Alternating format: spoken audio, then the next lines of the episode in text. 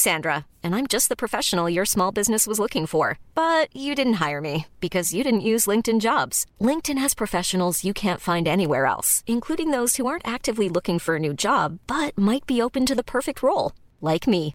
In a given month, over 70% of LinkedIn users don't visit other leading job sites. So if you're not looking on LinkedIn, you'll miss out on great candidates like Sandra. Start hiring professionals like a professional. Post your free job on linkedin.com/people today. When you're ready to pop the question, the last thing you want to do is second guess the ring. At Bluenile.com, you can design a one-of-a-kind ring with the ease and convenience of shopping online. Choose your diamond and setting. When you find the one, you'll get it delivered right to your door. Go to Bluenile.com and use promo code LISTEN to get $50 off your purchase of $500 or more. That's code LISTEN at Bluenile.com for $50 off your purchase. Bluenile.com code LISTEN. Since 2013, Bombas has donated over 100 million socks, underwear, and t shirts to those facing homelessness. If we counted those on air, this ad would last over 1,157 days. But if we counted the time it takes to make a donation possible, it would take just a few clicks. Because every time you make a purchase, Bombas donates an item to someone who needs it. Go to bombas.com slash ACAST and use code ACAST for 20% off your first purchase. That's bombas.com slash ACAST, code ACAST.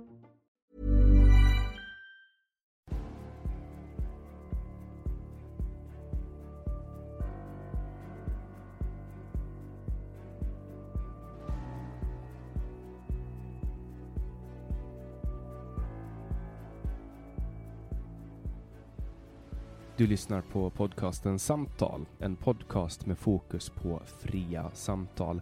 Jag heter Jannik Svensson och jag vill bjuda in dig till vår samtalsgrupp på Facebook. Länk till den hittar du på hemsidan www.samtal.ax.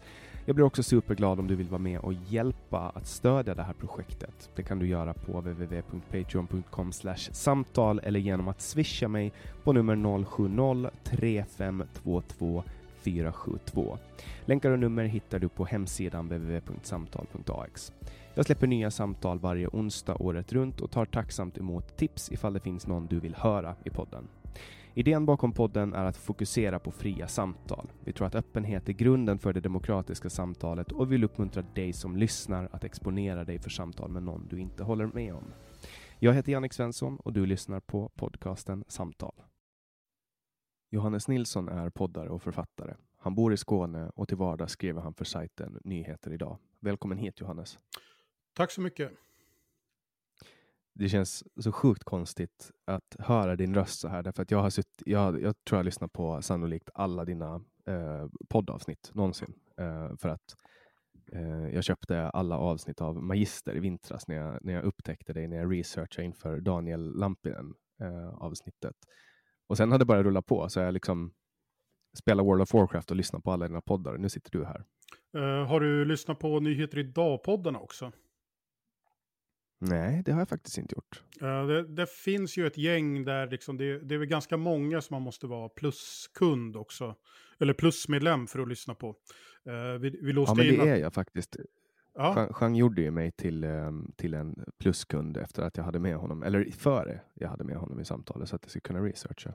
Ja men vad schysst, då, då, kan du, då har du ju dem också. Vi, jag tröttnade på det där för att ljudet blev så förbannat kast. Sen var det ju mycket meck och uh, få in gäster och sånt där också och klippa och allting. Jag, jag tyckte liksom inte att det att det blev värt arbetet i eh, form av utbytet man fick i, i fråga om eh, plusmedlemmar. Eh, helt enkelt. Mm. Men, men det här eh, Zencaster som du använder, det ser ju mycket mer smidigt ut än, än som vi höll på. Vi, eh, vi, vi satt ju och spelade in med gäster på Skypes inspelningsfunktion. Uh, och det, det lät ju sannerligen för jävligt alltså. Uh, upp, upp. Ja, det, man skulle kunna spela in det i en burktelefon och få mycket bättre mm. uh, kvalitet faktiskt. Men du har haft, alltså hur många poddar har du haft? Du måste ju vara en av dem i Sverige som har poddat mest. Uh, nej, det tror jag verkligen inte.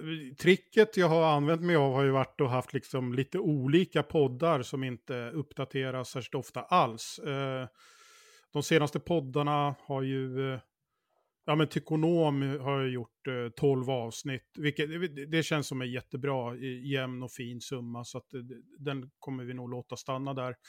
Eh, herrklubben som jag Men ni gjorde med... 100, 100 avsnitt med Magister. Nej, sånt. 80 avsnitt gjorde vi faktiskt. 80 avsnitt. Och sen tog Daniel Lampinen över den. Sen tog Daniel Lampinen över den och jag, jag vet inte han, hur, hur länge han la på, 30-40 avsnitt eller någonting. Eh, men han, han tappade ju publik och sånt där naturligtvis. Eh, vilket inte, det är ju inte så konstigt eftersom en, en podd är ju mer än bara ett namn. Naturligtvis. Mm. Ja, och sen är ju han ganska, alltså han är ju inte superbra medieskapare.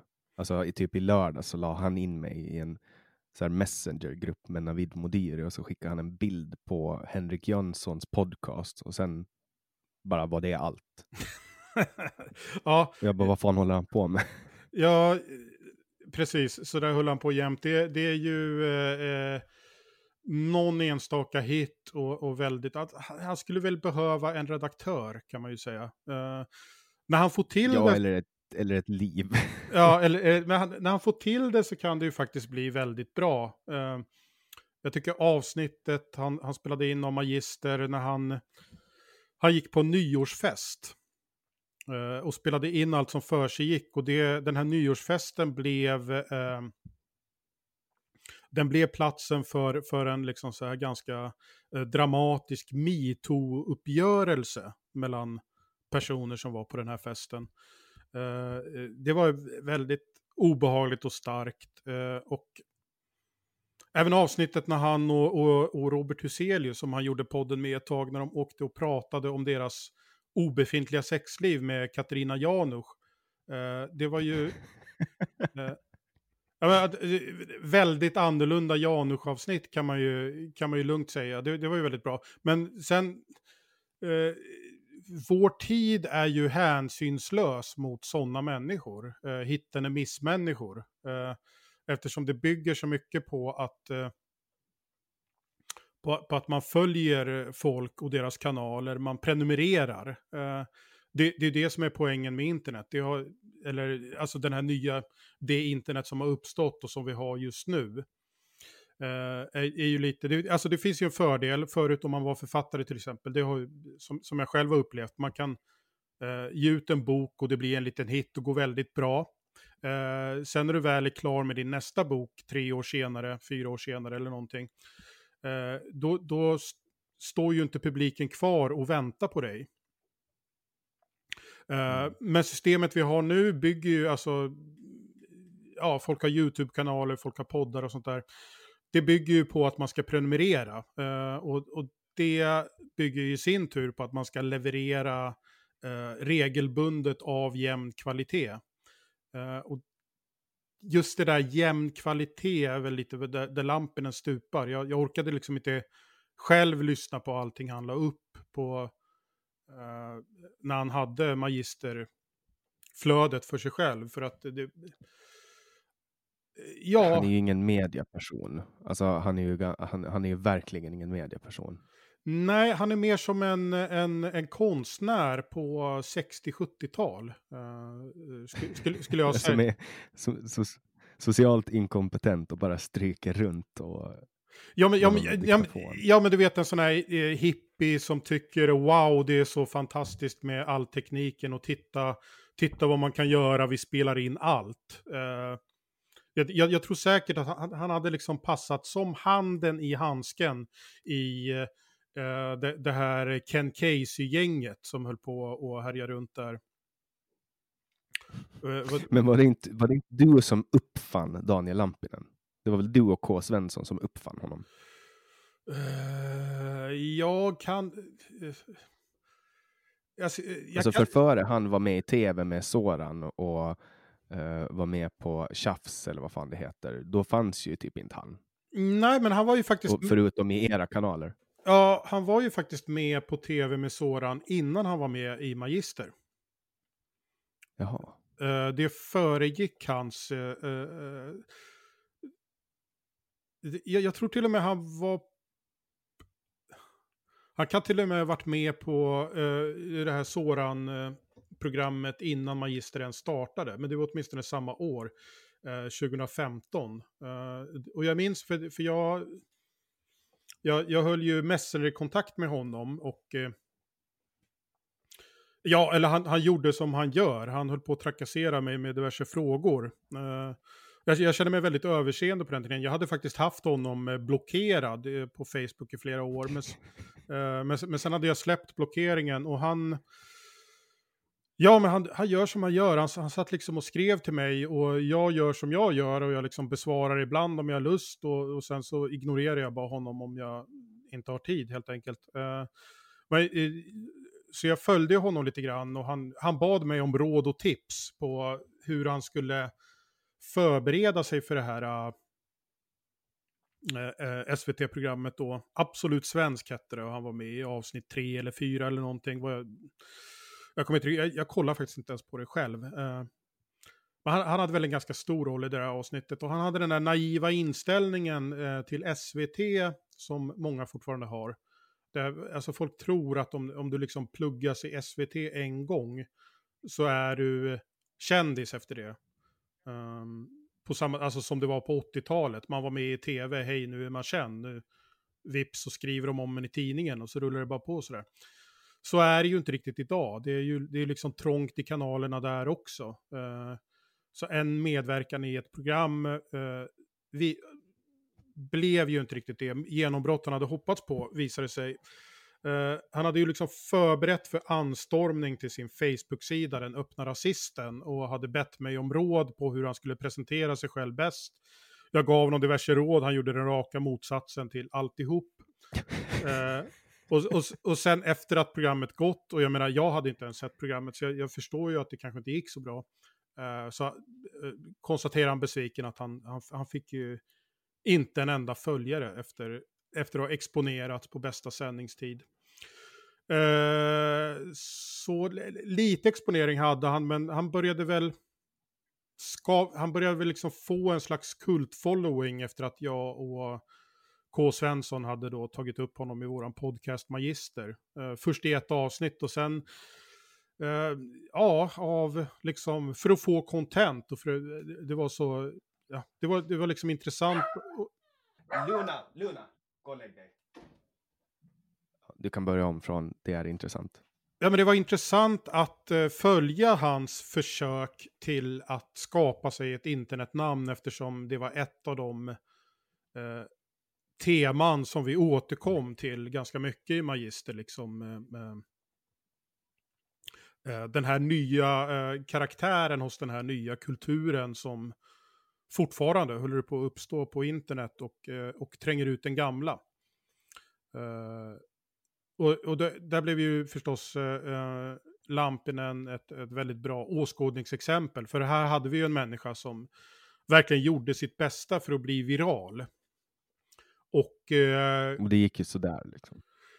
Han lyckades ju. Alltså, alltså, jo, men han tjänar ju inte pengar på det. Nej, han tjänade inte pengar på det, men han, han lyckades ju på, han, och, och, det är väl också ganska typiskt, han, han lyckades ju genomföra vad han föresatte sig och när, när han väl hade kommit dit så upptäckte han att det, det var ju liksom inte det här, det var inte vad jag hade tänkt mig. Och det är ju någonting jag kan känna igen mig själv i eh, väldigt, väldigt, väldigt mycket. Eh, det är ju så det går till. Man, man, man skapar sig eh, en bild av hur, eh, hur det ska vara att till exempel eh, vara med i tv, att ge ut en kultbok, att liksom eh,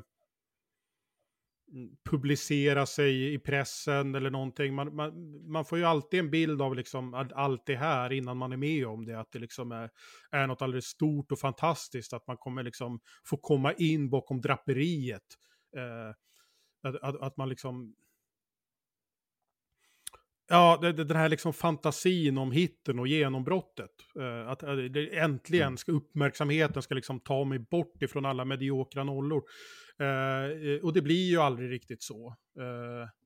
Men, men för dig då, alltså jag, jag tänker så här, du har ju ett, du har ett extremt vanligt namn. Johannes och Nilsson, det är liksom extremt vanligt. Mm. Typ ingen vet hur du ser ut. Mm. och du har haft liksom du har nästan bara jobbat i medier där man ser ditt innehåll eller tar del av ditt innehåll, men man, man tar aldrig del av dig. Som du har, du har serietecknat mm. Och du har skrivit böcker och du har gjort poddar men Mm. du har aldrig liksom hållit på med video och sånt. Men ändå har du funnits med runt alla, alla människor. Alltså, som du har du jobbat tidigt med Simon Gärdenfors, du har gjort poddar tillsammans med K. Svensson och du har liksom nu, nu skriver du med Jean Frick, så du finns liksom med i en ganska du finns med, men folk vet inte riktigt vem du är. Men om du ska förklara för, för mina lyssnare vem, vem du är och vad du gör, vad är det som liksom, ja, öppen fråga helt enkelt. Ja, eh, ja vad, ska, vad ska jag säga? Jag har väl... Eh, mitt problem är nog att jag vid, i väldigt tidig ålder fick höra att jag var så begåvad. Eh, och, så, och så har man försökt, eh, och då blir man så här glad, bara jeho, jag är utvald, det här kommer gå skitbra. Eh, jag började publicera mig, jag publicerade mina första mm, seriefanzines serier i fanzines när jag var 12. Eh, och så, jag, sålde, jag tror jag sålde mitt första manus när jag var 13. Det var liksom så här upplagt för att ja, men det är det här du ska hålla på med. Uh, och så har jag höll, höll på med det och uh, uh, ganska ofta tagit beslut som liksom visar sig vara inte riktigt helt korrekt. Jag vet inte, jag jag trodde... Ja, men det... Återigen är det, är det väl de här liksom fantasierna man gör sig. Man liksom sitter och läser om, eh, om andra människor och föreställer sig eh, hur det gick till. Eh, och hur det ska gå till och, och hur, eh,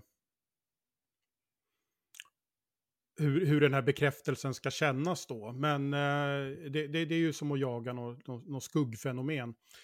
Eh, men jag, jag tröttnade på serier, jag, jag kände väl... Jag, jag trodde liksom inte att det skulle gå att ta sig fram där riktigt. Det, det är ju en så jävla liten värld. Det, jag menar, jag, jag lärde ju verkligen känna alla inblandade innan jag var 18. Så kände jag liksom dem allihopa som... eh, eh, som var den här nya seriegenerationen. Du, du nämnde Simon Gärdenfors, eh, David Liljemark, Pontus Lundqvist, eh, Henrik Bromander. Och så vidare. Och det... Det, det, var, det var liksom en, en, så, en så fruktansvärt liten värld. Eh, Så jag kände ju att det här duger inte för mig. Jag måste expandera. Och sen så bestämde jag mig för att bli skribent och, och författare. Jag, jag, jag, trodde, jag trodde ju att det var att det var så att säga ett medium som skulle överleva längre än serierna som jag helt enkelt dömde ut. Eh, att det här har liksom inte en, en tillräckligt bred bas. Eh, för, för att liksom riktigt ta plats för mer än en sån här, en, en framgångsrik person. Un- Ungefär. Alltså håller du på med serier så är det eh, det absolut bästa du kan bli är typ Martin Kellerman. Du kan eh, teckna din serie och försörja dig på den. Det är liksom... eh, eh, det, det, det, det är så långt du kan gå, så att säga. Eh, alternativen som, som en del lyckades med var ju då att bli professionella skribenter och skriva manus till 91 och Bamse. Eh, och jag, jag tänkte att det, här finns det ju helt enkelt inte riktigt någon framtid. För jag menar den här försörjningsfrågan kommer ju dyka upp snart. Så att, eh, jag gick över till att, ja, till att bli författare och lyckades väl ganska bra med det först. Eh, jag, jag startade ett fanzine som heter Chiperke. Som var ett eh, textfanzine som inte hade någon, eh, någon särskild så här fandomsinriktning. Det var liksom inte ett eh, indie pop-fanzine eller dödsmetal-fanzine eller seriefanzine eller science fiction-fanzine eller punkfanzine. För de lite yngre som inte vet vad ett fanzine är, kanske du kan förklara. Det var en eh, hemmagjord tidning som man liksom satt och, och kopierade. Ehm, det var ju ofta man liksom, någons pappa eller farbror hade något jobb på något så här, jättestort eh, företag där det liksom inte syntes om någon gick dit på nätterna och kopierade, drog eller så här, 3000 extra kopior. Eh, men det, det, det fanns också folk tryckare som tryckte upp det här för så här eh, halvbilliga pengar. Eh, vanligtvis så kopierades eller trycktes de i A5-format, det vill säga A4-sidor som man sen vek en gång och satte en eh, häftklamra i. Uh, det, det, det, var typ fanklubbstidningar? Ja, uh, ofta så centrerades liksom, det, det fanns fanzinkulturer runt olika subkulturer. Det första var ju science fiction, det var ju där det hela började och sen blev det, det blev väl stort i och med punken på slutet av 70-talet, början av 80-talet.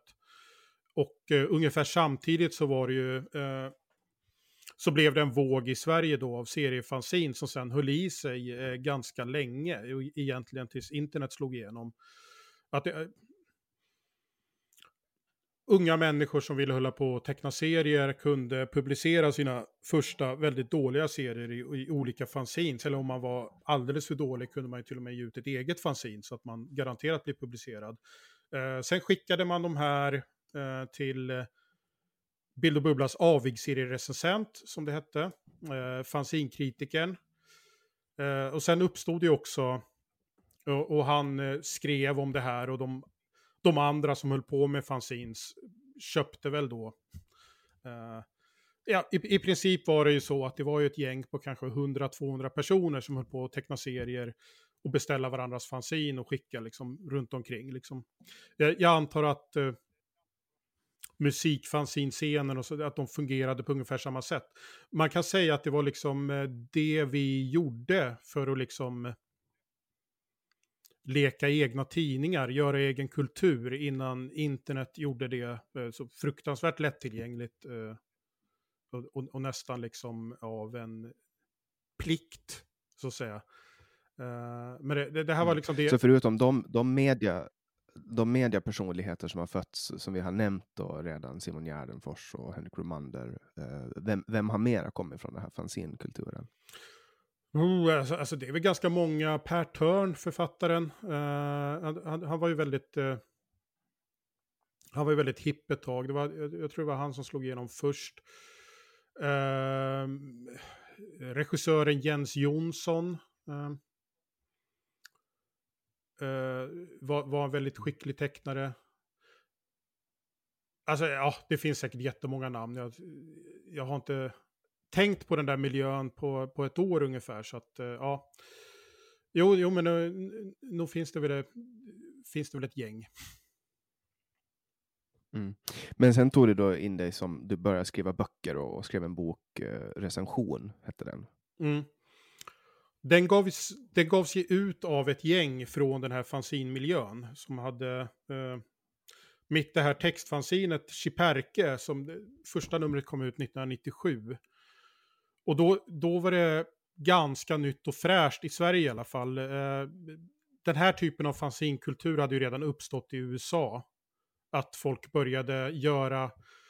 Man, man, kan säga att fanzinet blev sin egen kulturprodukt. Att den behövde inte längre handla om eh, hur jävla bra ett band var.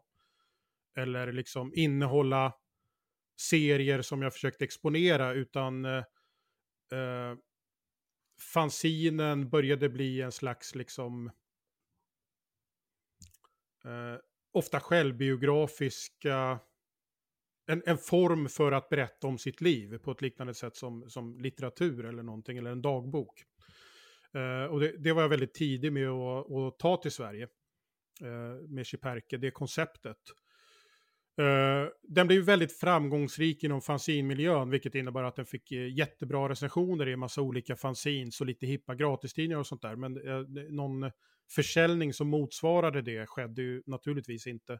Det blev till och med så att jag hela tiden tryckte färre och färre ex av varje nytt nummer av Chiperke eftersom jag märkte att Ja, jag, ambitionen var ju att sälja slut. Man ville liksom inte vara dragandes med de där. Jag trycktes över 200 av det första, av det allra första numret. Jag, jag tror jag slängde typ ett 80-tal i, i, en container bara för att bli av med dem. Uh, för att få den här, uh, ja men för att komma ner till noll till sist. För att liksom ha dem spridda och vara klar med det. Uh, men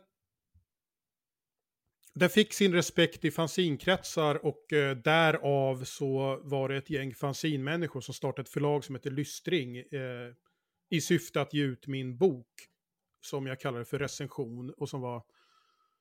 Ja, den, den var ju skriven i ett väldigt fanzinmässigt format. Alltså att jag använde recensionen som, eh, som form. Men jag, jag gjorde ett antal recensioner om, om vanlig, mest vanliga saker och händelser, föremål, produkter och sånt som eh, i, ur mitt eget liv. Så att det blev en slags självbiografi i recensionsform som dessutom presenterades som en encyklopedi, alltså i alfabetisk ordning. Eh, så tanken var ju att du skulle kunna öppna den här boken och börja läsa från vilket håll du vill. Eh, mm. vilket var, det var ett väldigt, alltså folk gillade, det var ett väldigt smart och roligt koncept som folk tyckte om. Uh, och också ett koncept som man upptäckte senare förebådade ganska mycket hur eh, texter på internet skulle se ut de kommande åren som följde recension. Eh, tyvärr kan jag inte påstå att, att det var det här Velvet Underground-fenomenet, eh, att du vet, oh, Alex Schulman läste mig och blev inspirerad, utan det var ju det var ju bara en form som naturligt uppstod så att säga. Som jag var ganska tidig med. Men... Så den här boken blev ju ganska framgångsrik och sånt där, men jag lyckades liksom inte riktigt följa upp det där, för att sen när det här bloggfenomenet kom, så reagerade jag som jag... Det har visat sig att jag nästan alltid gör när det kommer liksom nya eh, format och fenomen. Att man tycker att detta är skittöntigt, detta är någonting för hipsters, jag är för gammal, det är för kidsen. Och så missar man tåget helt enkelt. Så eh, jag har liksom suttit och dömt ut, jag, jag satt i många, många år så satt jag och tyckte att eh, podcast var liksom en, en, ett vidrigt hipsterformat. Att jag aldrig någonsin skulle liksom... Men ändå var du ganska tidig på poddtåget, för du började väl runt 2014, 2015? Hösten 2015, jag skulle säga att det är ganska sent. Jag var med i min första podd 2012. Uh, eh, Simon, ett, ett, av, ett av de tidiga avsnitten av Simon Gärdenfors podd Arkivsamtal. Uh, och det gav inte mer smak alls. Uh, Nej, alltså 2015 är väl inte tidigt alls. Då är man väl liksom... Alltså om du kollar på hur antalet poddar som startas idag ja. eh, och så kollar du på kurvan så är ja. det ganska jävla tidigt. Jag tyckte att det började bli lite trångt när jag, när jag tog mig in. Alltså, hade det varit tidigt hade jag väl liksom varit på det så här 2011, 2012.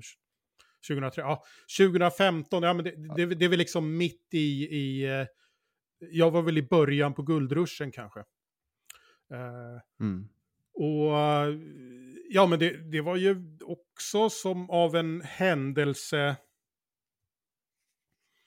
Ja, jag hade ju helt enkelt dömt ut det här formatet fullständigt, totalt. Och eh, som den fördomsfulla gubbfan som jag är. Eh, men, men sen under sommaren 2015 så kom det sig att jag var eh, pappaledig igen då. Eh, för min, min son som var runt ett år gammal. Eh, tog ut de här uh, sista eh, förpliktade pappamånaderna. Och då, då gick jag bara omkring hemma med en, en, ett barn som Alltså, som inte hade lärt sig prata och sånt där eh, än, ännu. Eh, skrotade runt. Och då, det, då var det väldigt naturligt eh, att eh, testa lite poddar och ha dem rullandes i bakgrunden när jag liksom ändå inte gjorde något annat. Eh, jag föredrar ju annars att, att liksom sysselsätta fler sinnen än ett. Uh, men det, det var ett litet fönster där jag liksom uh, testade på det här och, och lyssnade på podcasts. Och då, då provade jag då framförallt de här som uh, K. Svensson, som han just hade börjat kalla sig, men all, alla andra kallade honom Kringlan på den, på den tiden. han var väldigt hipp och aktuell. Han var väl, han var väl Sveriges hetaste poddare just då. Han var med i Lilla Drevet och en podd som hette Crazy Town. De, de kom ut i varsitt eh, avsnitt sam, eh, per vecka. Eh, jag för mig att han hade någon... Hade han något... Ah, ja, nu, nu ska ju inte podden vara liksom gammal man sitter och försöker komma ihåg. Men eh, då, mina fördomar kom lite på skam. Jag gillade verkligen det K. Svensson höll på med och även det Ola Söderholm och Jonathan Unge höll på med. Eh, dels Lilla Drevet, men en, en podd som heter Februaripodden. Och eftersom eh, K. Svensson hade spridit några av mina bloggtexter på, på Twitter. Och det, det var ju då de enda bloggtexter som jag hade skrivit som hade liksom eh, nått några läsare att tala om. Liksom, att det blev liksom över tusen sidvisningar. Uh, jag var väldigt obskyr fortfarande på den tiden. Uh, så jag, jag, skrev till honom bara helt enkelt och frågade om han hade lust att starta en podd. Och det sa han att han hade och vi träffades och tog en öl i, i Malmö och snackade lite och tyckte att snacket flöt på rätt bra. Och så kom vi överens om att starta en podd.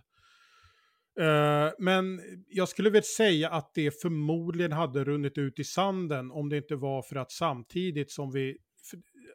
det var väldigt svårt då och... han var ju väldigt upptagen man, till skillnad från mig som var en, en totalt...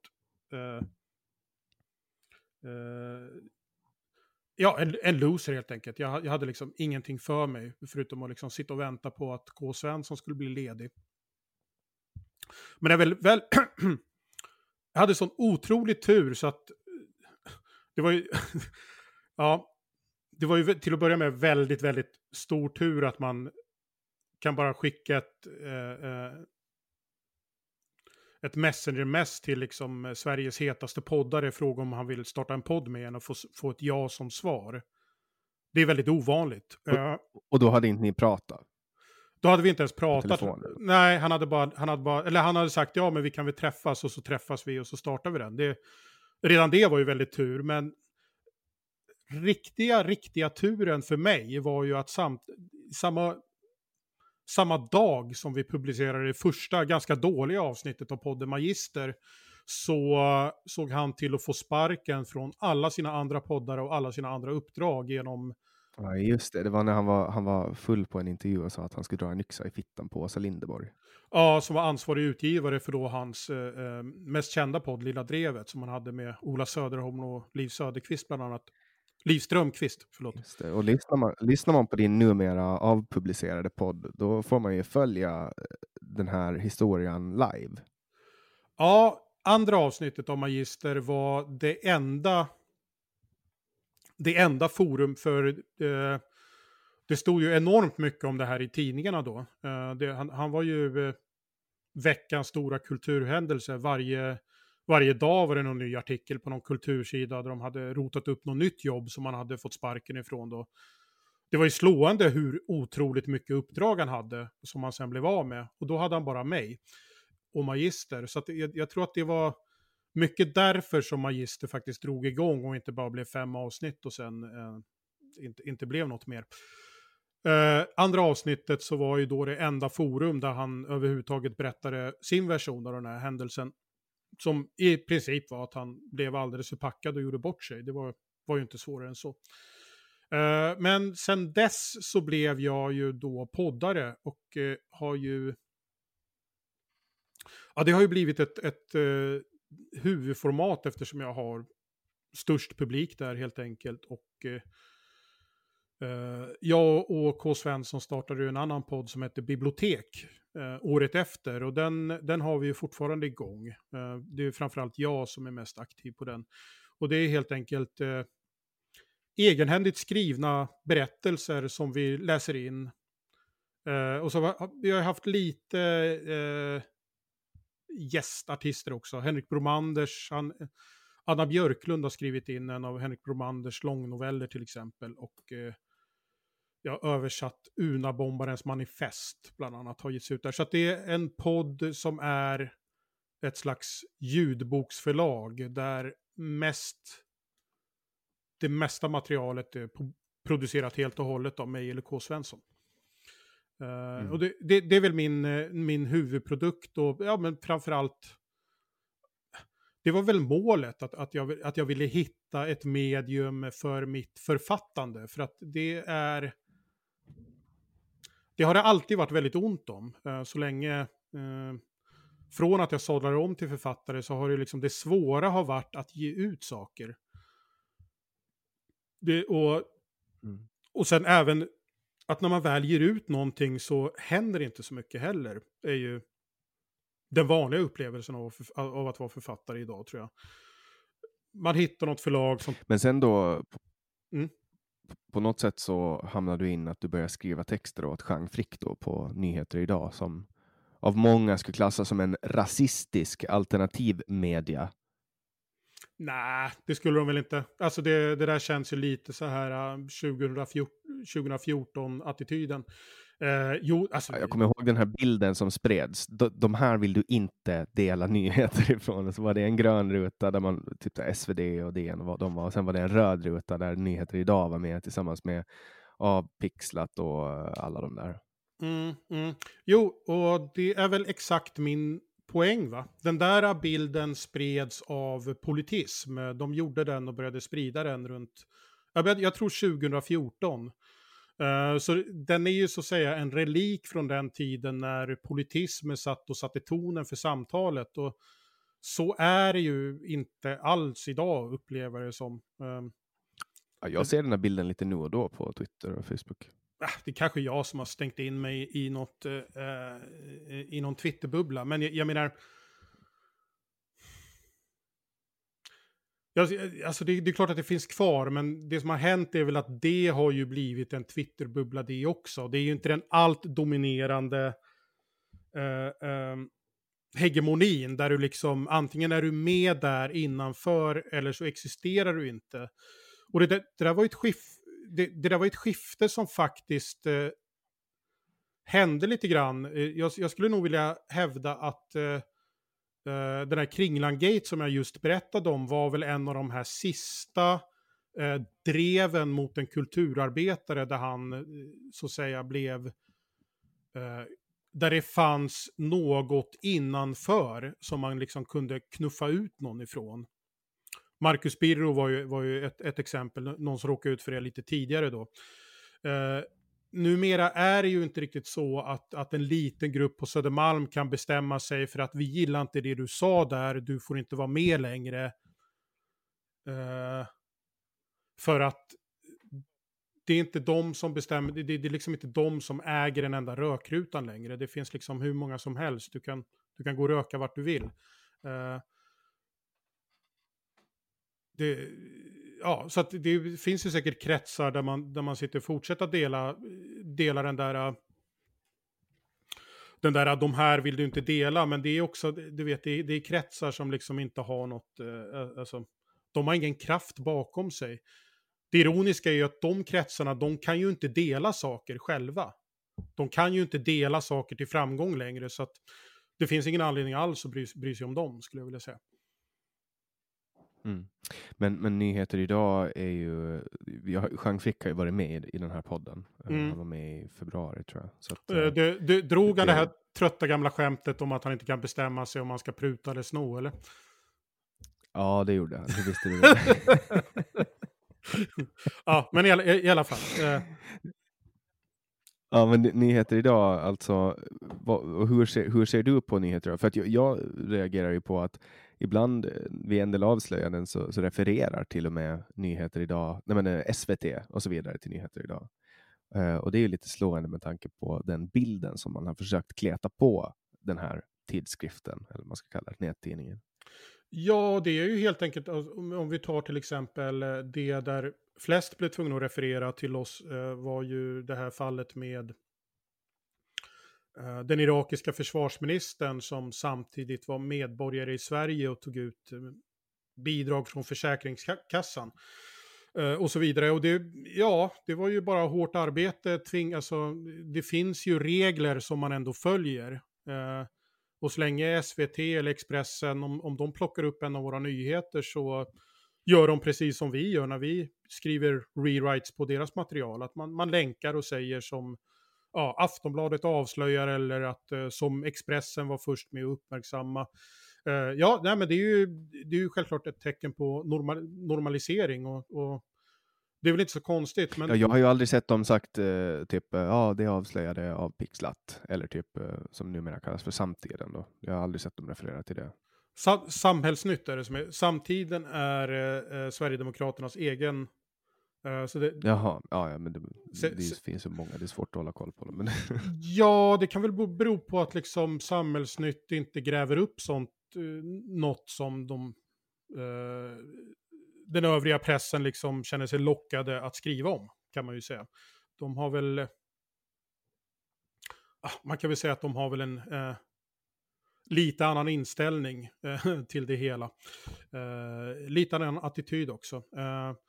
De är ju inte med i det pressetiska systemet och det, det gör ju att de kan göra, du vet, de, mycket sådana här uh, våldsporrvideos kör de bara helt utan så här, eh, utan kontext eller sammanhang så här. uh, Här misshandlar invandrarna den svenska pojken och sen är, är det någon sån här, du vet, våldsrulle som har delats på Snapchat och där man liksom, ja, de ser väl lite mörka Ja, ut. men det, och- det, syftet är att piska upp hat liksom. Det, det finns inte så mycket mer än det.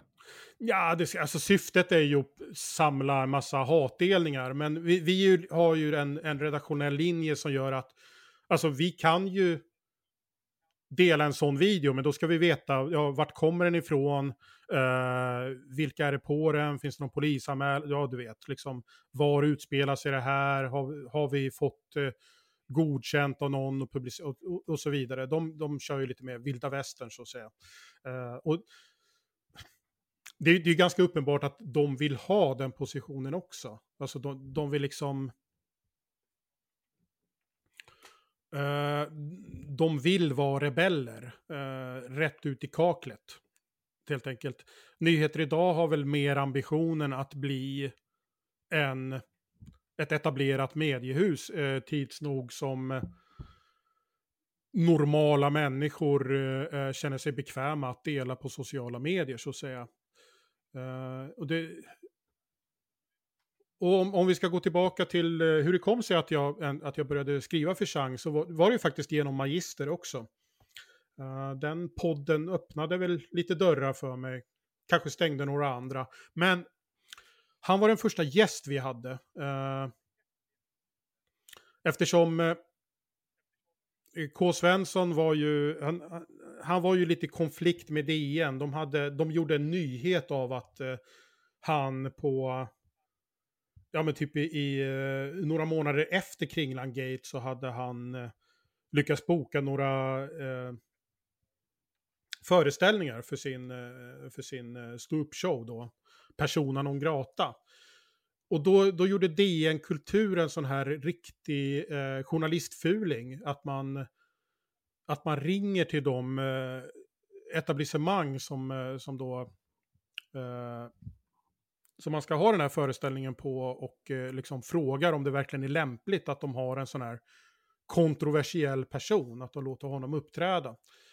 Eh, han blev ju ganska irriterad av det och eftersom Chang Frick just då hade en, en eh, egen konflikt med DN, det var ju det här om att de skulle ha mörkat en massa masstafsande i, i Kungsträdgården. Eh, så då ville ju K. Svensson att han skulle vara vår gäst i podden helt enkelt. Jag får erkänna att jag faktiskt var, jag var lite så här, jag var lite tvekande till det faktiskt. Eh, för att jag såg redan då, det här var tidigt 2016, så såg jag hur ett riktigt stort maffigt flashback-dike höll på att utvidgas och öppna sig. Och eh, jag var lite tvekande för att liksom verkligen bara kasta mig in i det här liksom, eh, eh, nya med Magister och, och bli liksom en del av, av någon ny gnällig högerrörelse. Och jag tycker att vi ändå lyckades hålla oss borta från det diket som blev väldigt frestande för de flesta. Eh, alltså nästan blev så att säga det nya normala på sociala medier skulle, skulle jag hävda idag. Men hur, hur som helst, eh, så det, det var lite vågat där, kom jag, lite pirrigt när vi hade med Chang Frick, den farliga, i, i Magister där 2016. Och eh, han... Du var lite härdad då.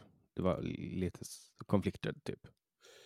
Alltså jag ville inte, alltså inte på det sättet, men alltså jag ville, för jag såg ju liksom vad som komma skulle, att det här anti-PK skulle liksom ta över, alltså höll på att ta över och jag ville inte riktigt alltså hamna i den här situationen att jag är någon härförare för den här rörelsen. Jag hade liksom i många, många år lyckats hålla vänstern på armslängds avstånd till liksom eh, inte till nytta för min karriär alls på det minsta sätt, men det kändes ändå liksom, jag trodde inte på det, det kändes bra att inte liksom vara besudlad av det. Och då, jag, jag ville liksom inte dras in i någon ny sån där skit, helt enkelt. Utan men ändå hålla, vi, vi försökte i Magister att hålla en... Eh, någon slags neutral och balanserad ton. Inte hålla på och haverera iväg för mycket. Eh, eh, sådär, och ja det lyckades väl si sådär. Det var väl antagligen de bästa avsnitten vad vi gjorde var väl när jag kanske ändå fick, när vi ändå fick feeling och blev lite upprörda. Men ja. Uh, så det var väl ett tåg som vi kanske missade och blir en ny Aron Flam. Uh, innan han ens hade men, blivit... Men varför, varför, avpub varför avpublicerar ni alla avsnitt av Magister? Det förstår jag inte.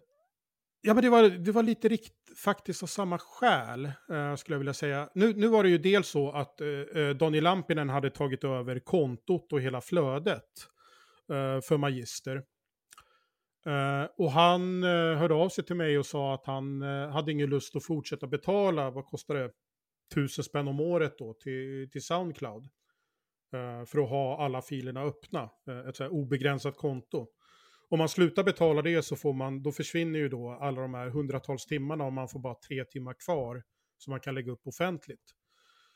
Uh, och det här var väl, vad var det nu, det var, det var någon gång 2018 och uh,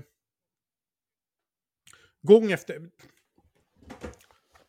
Det här är någonting som är återkommande för mig under alla, alla år som jag har hållit på. Jag berättade ju att jag slängde 120 x av, av eh, eh Chiperke nummer ett för att bli av med den. Jag har raderat alla bloggar jag har startat.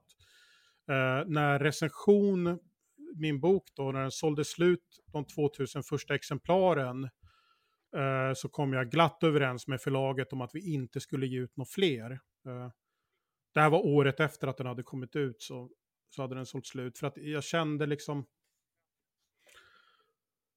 Jag, jag känner nästan alltid att det jag gör har ett bäst före-datum. Eh, lite olika beroende på.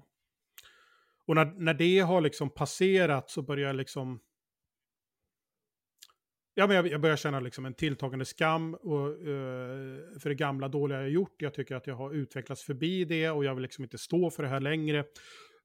Och jag börjar väl känna det med Magister ungefär, jag började få den känslan för det när, när Daniel Lampinen frågade vad, vad jag tyckte han skulle göra med det här. Uh, jag kände också, framförallt så kände jag att Magister, den hade blivit en så otroligt tidsenlig podd. Och det, det var någonting som vi liksom aktivt försökte undvika. Vår ambition när vi, när vi startade den var att den inte skulle bli en samtidskommenterande podd, utan vi hade det första konceptet var faktiskt det att vi, alltså, varje avsnitt skulle vara som en lektion. Därav namnet magister. Att, att vi skulle ta upp ett ämne och diskutera eh, till exempel antroposofi. Så att man eh, kände att man skulle liksom, jaha, nu har jag lärt mig om antroposofi. Eh, liksom någon, någon folkbildande ambition, att vi inte skulle dras med i det här eh, eh tykonomiska träsket av vad som pågår på Twitter hela tiden. Vi måste också påpeka här att det är du som har uppfunnit ordet tykonom. Nej, det, det, kan jag väl inte riktigt ta åt mig äran av. Uh, tykonom var ett begrepp som fladdrade runt lite grann på sociala medier runt 2010-2011 och sen försvann det och jag plockade upp det igen när jag gav ut eh, min bok 2017. Uh, eh, så det har jag inte, jag har uppfunnit andra begrepp. Det har jag gjort, men uh, där kan jag inte riktigt ta åt mig äran. Men jag har väl gett det en revival. Men hur, hur som helst, jag, jag kände och känner fortfarande att Magister var så otroligt förankrad i året 2016. och det, det, kan ju vara lite coolt på något sätt. Eh, det kan ju vara intressant. Alltså det, det är ju kul att ha gjort ett, ett, eh, ett avtryck i, i en specifik tid. Jag, jag, jag, skulle nog vilja säga att om, om du vill om du verkligen vill få ett, begrepp, ett grepp om året 2016, som också är ett ganska spe speciellt år eftersom det är väldigt tydligt i Sverige, men i, i många andra länder också var det ett år av, av hege, hegemoniskifte. Att eh, då försvann, upplöstes så att säga, eh, mycket av den här eh, PK-kulturen. Det, det är ju många som, alltså visst det finns ju liksom rester av politiskt korrekt kultur kvar, särskilt inom liksom eh, statliga myndigheter, Sveriges Radio och sånt där. Och, liksom, ja, i, men den, den här Nej, jag, jag, håller med dig, alltså, 2000, 2016 var verkligen ett skifte. Det var ju då mm. jag personligen också ömsade mitt uh, PK-skinn. Mm. Uh, jag gjorde ju en valrörelse då här på Åland eh, 2015 och gick emot allting som jag egentligen kände och tyckte bara för att jag hade blivit upplärd att det var så man skulle göra. Mm. Och sen flyttade jag till Sverige 2016 och så var det liksom flyktingkrisen, det var januariöverenskommelsen, det var liksom allting ja. bara bubbla. Mm. Januari, januariöverenskommelsen var ju för sig 2018, men det som hände 2000... Jo, men nej, nej, det, det var, nej men förlåt, decemberöverenskommelsen, det, den var 2015. Det, ja, precis, decemberöverenskommelsen. Det, jag alltså, fel. Ja, en en sak som gav ganska stort eh, eh, utslag var ju det här som hände i Köln också. Eh, det här massövergreppet. Eh, och det, det, var ju det som fick Ann Heberlein att byta lag till exempel. Eh, och det, det inträffade ju på nyårsafton 2015, så det var det man vaknade upp till 2016 så skulle man ha den diskussionen och det, det var lite liksom eh, eh, håret som bröt kamelens rygg eller vad man skulle säga. Efter också baksmällan på Eh, den här flyktingkrisen som man hade gått in i med det här, ja vi kan, det här kommer bli skitbra. Och sen fick man uppstänga alla gränser och på någonstans blev det ett slags erkännande att vi hade fel. Och från 2006, alltså innan 20, 20, alltså 2015, 2014, du hade ju ingenting att tjäna på det minsta sätt genom att, eh, att vara kulturarbetare eller tykonom och ha kritiska perspektiv på invandringen. Det var liksom farligt, du riskerade eh, dina uppdrag. Eh, post 2016 har ju det varit en karriärsväg. Det är ju så alla, då, alla de nya namnen inom tykonomin eh, det, det, är ju liksom bara att nämna vem som helst. Aron Flam, Henrik Jönsson, Malcolm Cheyune, eh, Mustafa Panshiri. Lamotte, Janusz. Eh, Lamotte, Janusz, eh, Jens Ganman, liksom Uh, om vi tittar, alltså vänstern och liberalerna, de har ju inte odlat fram ett enda namn som drar likes och klick. Uh, samtidigt som vi har det här gänget då. Ja. Så att, uh, det, det... De har ju typ Linnea Claesson och så. Fast hon är väl kanske inte en aktiv del av vänstern, men hon driver ju en vänster. Ja, men hon... Exakt, Linnea Claesson, och där, där, ser vi, där blir det så mycket astroturfing så att det blir löjligt bara. Oh, en tjej har ett framgångsrikt eh, eh, Instagramkonto där hon håller på att löjla sig. Eh, vi utmär ger henne utmärkelser om allt, precis allt, överallt. Eh, ja, du vet, det, Alltså de, hur eh, de få undantagen som finns blir ju liksom så upplyfta så att det är löjligt och, och, och bara förstärker det här narrativet som den här eh, högerrörelsen bygger på. Att vi är liksom eh, de, de undanskuffade, de förtryckta. Eh, och det, det narrativet har man, ju, har man ju fortfarande, även om jag då vill hävda att det egentligen har ju de senaste då fyra åren har ju varit en, en eh, på många sätt liksom en, en högerhegemoni eh, vad det gäller de nya medierna. Eh, där, där, även liksom de, de, gamla etablerade medierna har ju, har ju anpassat sig ganska mycket till det. Eh, det, det, är ju väldigt tydligt eh, nu när jag började skriva för nyheter idag då, efter att Chang tjatade på mig i flera år, så var det väldigt tydligt att, att vi har börjat konkurrera med Expressen och Aftonbladet nu. Att de har ju släppt alla hämningar med vad de skriver om, vad de har för rubriker, vilka ämnen de tar upp eh, och så vidare. Eh, så att... Ja, nej, men jag, jag skulle säga att vi lever mitt i ett anti eh, eh, vad, vad ska man säga, att politiskt in, en politiskt inkorrekt hegemoni på många sätt. Det, det är liksom det samtalet kretsar kring. Det, det är de som... Det är på gång nu. Det är på gång alltså.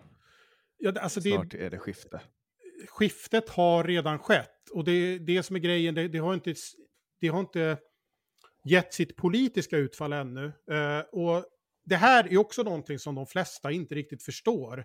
Att eh,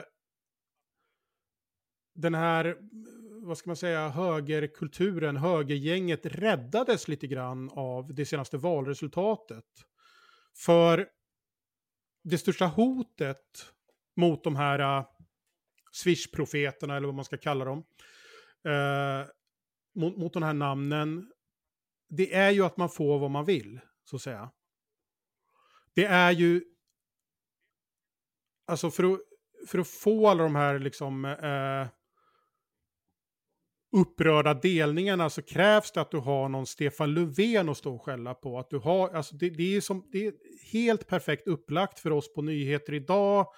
För eh, du vet de som har de här upprörda bloggarna eh, och, och gnälliga poddarna så är det ju... Det kunde liksom inte bli bättre än att vi har eh, sossarna tillsammans med Miljöpartiet, urusla valresultat, regerar på Centerpartiets och Liberalernas bekostnad. Det är det liksom den perfekta miljön för att det här ska kunna odlas. Alltså man, man förstår ju eh, från mitt perspektiv som ålänning att, att titta på den regeringen, eh, Miljöpartiet och Socialdemokraterna och bara se vad de håller på med som nu till exempel med energipolitiken. Att de i princip gör att Sverige kommer att någon gång, om man inte ändrar riktning nu direkt, att bara total haverera rent energiförsörjningsmässigt. På otroligt många områden är det ju så. Det är ju en, en, en fullständigt kaputt regering. Eh, som då, ja, det, är ju en blandning som gör att eh, absolut ingen blir nöjd. Eh, men min poäng är att, eh, och, och, eh, om jag ska ta några politiska jämförelser så tar vi ju till exempel Thatcher-åren i England. Eh, blev ju upphov till oerhört mycket liksom politisk musik och motkultur mot Thatcher. Det var liksom vad 80-talets engelska musik handlade om så skulle ju alla göra någon anti-Thatcher-låt och det var eh, ehm, vänstern i Sverige till exempel, luften gick ju lite grann ur när Löfven tog över och, och man fick en, en rödgrön regering. Alltså att eh, de som verkar som tyckare och kulturarbetare, för det, det ingår ju i en och samma saliga röra, de behöver liksom befinna sig i opposition så att de har något att klaga på, att skälla på. Men om eh, vi säger då att, att det blir som, som det mycket tyder på, att, att vi får en ny konservativ regering i Sverige då, KD, eh, Moderaterna kanske och Sverigedemokraterna, någon slags kombination som då börjar föra den här konservativa politiken som, som en majoritet vill ha. Kraftigt minskad invandring, eh, mer poliser, höjda br Eh, ökade brott, eh, slakta kulturbidragen, bla bla bla, allt det där. Vad ska liksom Swish-artisten eh, gnälla på då? Det, det, luften kommer lite grann gå ur oppositionen när man sitter i, när man så att säga, ens egen sida sitter i regeringen. Uh, så... Jag tror att de kommer att gå, då kommer de nog att gå i opposition. Alltså jag tror att Aron Flam då kommer att säga att ja, men nu är Moderaterna inte tillräckligt moderata. Mm. Och så vidare och så vidare. Jag tror, jag tror inte att någon kommer att tillfredsställa den delen av högern.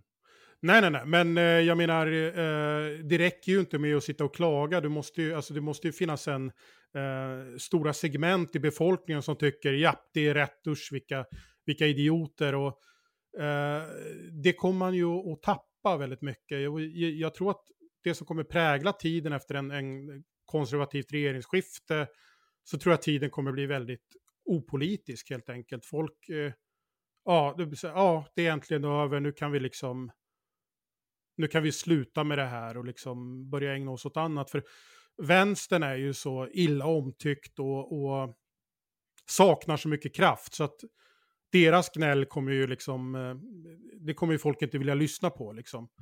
Oh nej, nu höjer de straffen. Eh, jag menar, eh, fram, framförallt så kommer ju, kommer ju vänstern, det, det tror jag är en det som verkligen kommer ta, ta död på dem är, är, ju den här slakten på kulturbidrag som, som helt klart kommer ske. Eh, det är ju väldigt svårt att värja sig mot, för jag menar... eh, eh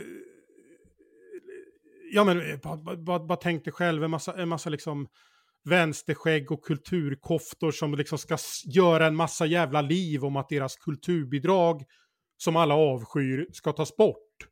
Jag, jag menar, då, det kommer ju inte, alltså, det blir verkligen en sån där, du, du vet, eh, kommentarfältet översvämmas av ja, det är rätt, de borde utvisa er också. Jävla pack, rätt åt. Alltså, jag, jag, jag menar, du... ja, är det, värre är det när de ska, när de ska strypa SVTs penningpung?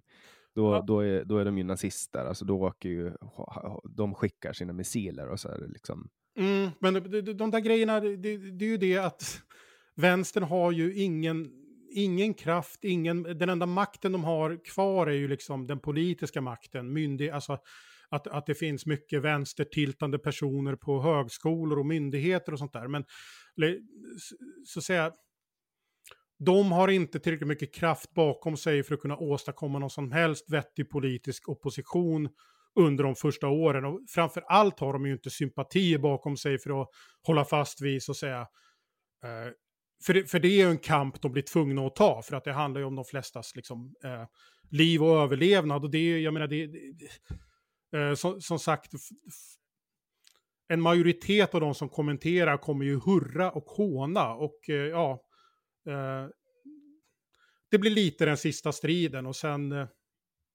ja, så, så jag, jag, tror det kommer bli, eh, det kommer bli några år av faktiskt lugn och ro när det liksom Ja, jag, hoppas det, jag hoppas att folk ska sluta döma. Alltså att allt det här dömande ska försvinna. Jag, menar, jag har fått känna på det första, ur första perspektiv. Liksom, när jag, det var, nu känns det som att jag klagar på det här varje gång jag poddar, men i höstas, då, förra hösten när jag, när jag blev invald i lagtinget så, så blev jag liksom deplattformad, eller vad man ska säga, cancellad på grund av att jag skojar om, om droger. Mm. Eh, och då tappade jag massa kunder från mitt bolag, för de var så här, ja men vi kan inte ha så här, vi kan inte ha dig, din värdegrund, liksom, så här, du, ja, men, eller kanske vi ska avsluta, du vet så, och så fick inte jag något jobb mm. eh, på grund av att jag skojar om droger, att det ska bli jävligt skönt när det försvinner, därför att folk märker ju det här. Jag, mm. jag träffar ju folk så här, under hela, hela valrörelsen på Åland, så kom folk till mig och sa så här, ja men jag tycker om, för jag gick ut med att jag ville lägga ner public service, och då var det så här jättemånga helt oväntade personer som kom fram till mig och bara, ja men bra jobbat, liksom, kämpa på, så här, kör på. Eh, och jag bara, men varför, så här, du kan säga det till mig, men varför delar du inte på din Facebook? Och de bara, ja nej, men då, då blir jag av med jobbet, eller då blir folk arga, eller ja, men vad ska hända med mig då? Så här, mm. Folk vågar komma fram och säga det till mig, men folk vågar inte gå ut med det. Jag hoppas att den dagen ska komma när man inte längre åsiktsstyr, för att det är ju en form av åsiktsstyrning, att människor inte vågar säga det de tycker och tänker. Ja, men så, så är det ju absolut, men här är väl antagligen jag oerhört eh, mm, så att säga privilegierad i och med att jag jobbar med Chang Frick som, eh, alltså jag kan inte komma på, jag vet inte, alltså i teorin om jag, om jag bara gick ut och sköt folk på måfå i Malmö så skulle jag väl få sparken antar jag. Men eh, annars så finns det ju, så att säga, det, eh, eh, på min arbetsplats råder ju väldigt högt i tak på hur man får bete sig ungefär. Så att, eh, jag har väl lite fått intrycket av att deplattformeringskulturen i Sverige är rätt mycket på utdöende jämfört med hur det var för några år sedan i alla fall. Och att det nästan kanske börjar bli i lika hög grad högern som kan deplattformera folk i Sverige än vänstern. Det bästa vore ju om, om ingen höll på överhuvudtaget. Men det, det, är ju absolut inte... Jag tycker att vänstern kommer ju undan med så mycket saker som inte folk från högern kommer undan med. tycker jag i alla fall ur mitt perspektiv. Men det kan vara för att jag är höger. Men var ställer du dig politiskt? Uh, jag, jag, tänkte bara om, om, vi tar till exempel just det där, det är ju ändå, uh, om, vi, om, vi, säger hon, uh, vad fan hette hon? Kakan Hermansson, hon har ju blivit deplattformerad ett par gånger från, alltså klassiskt deplattformering, hon ska göra någon grej för Audi. Folk bara, ja men titta vad hon tweetade om poliser för si och så många år sedan. Uh, det, det är ju en, en ganska typisk deplattformering. Sen kan man ju säga att man, man har ju svårt att se hur, hur, hur i helvete de tänkte att det skulle vara en bra idé att låta Kakan göra reklam för Audi som är liksom bilen för snutar och eh, eh höginkomsttagarmän. Rika män liksom. Ja. ja. Eh, det, det, förstår jag inte riktigt, men eh, hon, hon blev ju deplattform. de hade, det, det, var antagligen någon, någon woke PR eh, eller så marknadsförare som bara ja men fan vi ska vara lite i tiden, vi tar in någon orakad eh, mm. brud liksom som får fixa det här. Jo, och jag, jag tror faktiskt att, eh, jag tror att min teori är att Sverige ligger ganska många år före i kurvan internationellt. Vi var, Eh, det är liksom effekten av att vi var superwoke långt innan alla andra var det. Om, om man jämför med USA så är, tidslinjemässigt är valet av Donald Trump i USA framkallade ju liksom samma slags psykos i det landet som eh, när Sverigedemokraterna kom in i riksdagen i Sverige 2010. Eh, då fick vi ju en, alltså det blev ju som en chock och sen fick vi de här åren av extrem politisk korrekthet. Där man, där man liksom försökte korrigera det här beteendet med att bli ännu mer renlärlig och eh, psykotisk. Och sen körde allting i väggen då med eh, eh flyktingkrisen.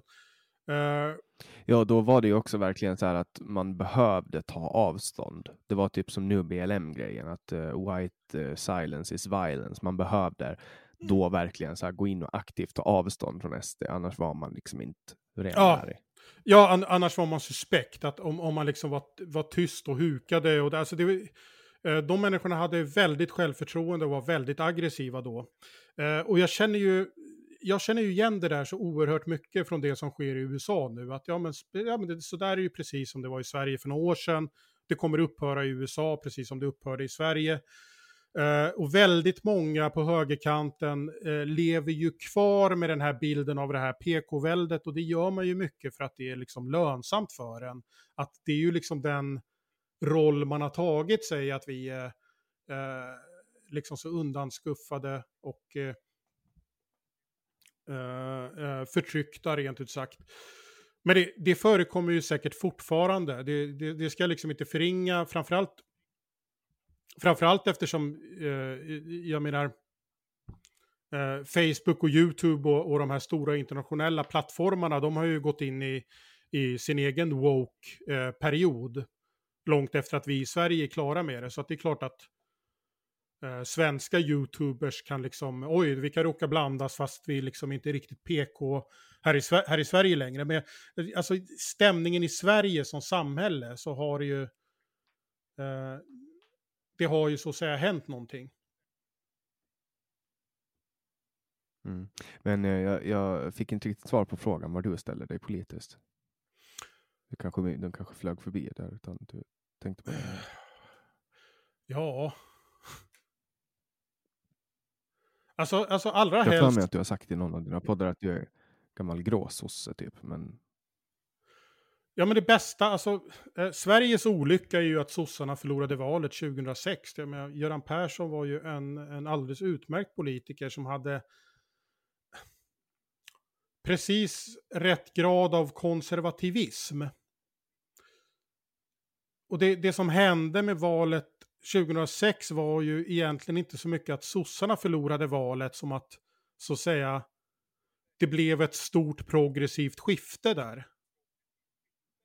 Alltså nu ska vi utveckla, nu, nu ska det liksom uh, bort med det gamla, ut med det inna, uh, uh, in med det nya. och det tog sig formen av en borgerlig regering som så småningom hamnade i knät på, på Miljöpartiet. med, med de här den här politiska korrektheten var ju, var ju någonting som man förknippar ganska mycket med Reinfeldt-åren och också någonting som accepterades av i stort sett alla etablerade politiker på allianssidan också. Och där, där var ju en politiker som eh, Göran Persson mycket, mycket, oerhört mycket mer konservativ och mycket mer försiktig med saker som invandring till exempel. Så var ställer det dig? Eh, Skulle du kalla dig gråsosse eller är du mer åt uh, typ Jean Frick libertarian hållet? äh, nej, fy fan alltså. Jag menar, jag... nej, nej, jag är inte oskuld. Eh, nej, ehm, alltså libertarians är ju... Det är ju en uppsättning roliga principer man kan, kan använda för att liksom bonka i huvudet på tråksossar. Och det, alltså, ett roligt tankeexperiment, men det är, ju- det är ju absolut inget samhälle som jag tror på. Eh, jag tycker det hade varit jätteskönt om konservativa gråsossar hade fortsatt styra Sverige så att landet liksom på många sätt hade liknat våra mer sansade grannländer då kanske. Och ja... Finland. Du saknar gamla tiden typ? Ja, jag, jag är liksom... Jag blir helt enkelt konservativ i, i ordets nästan bokstavliga bemärkelse. Jag tycker allt har blivit lite sämre. Och jag tycker vi har liksom ägnat oss eh, många år åt en falsk progressivitet. En... Eh, eh, som eh, en liberal progressivitet helt enkelt som... Eh, man, man vill ju inte vara för konspiratorisk, men det, det är ju helt enkelt så att alltså, om en massa reformer och utvecklingar liksom glatt tas emot av kapitalet, då bör man kanske sätta sig och fundera på liksom, mm, hur revolutionärt är det vi sysslar med liksom. Om, Mm. om, om, om vi tar... Bara som ett konkret exempel, så alla, alla de upplopp som har varit i USA, skadar de Amazon eh, eller de här stora kedjorna särskilt mycket? De drabbas ju också av upplopp.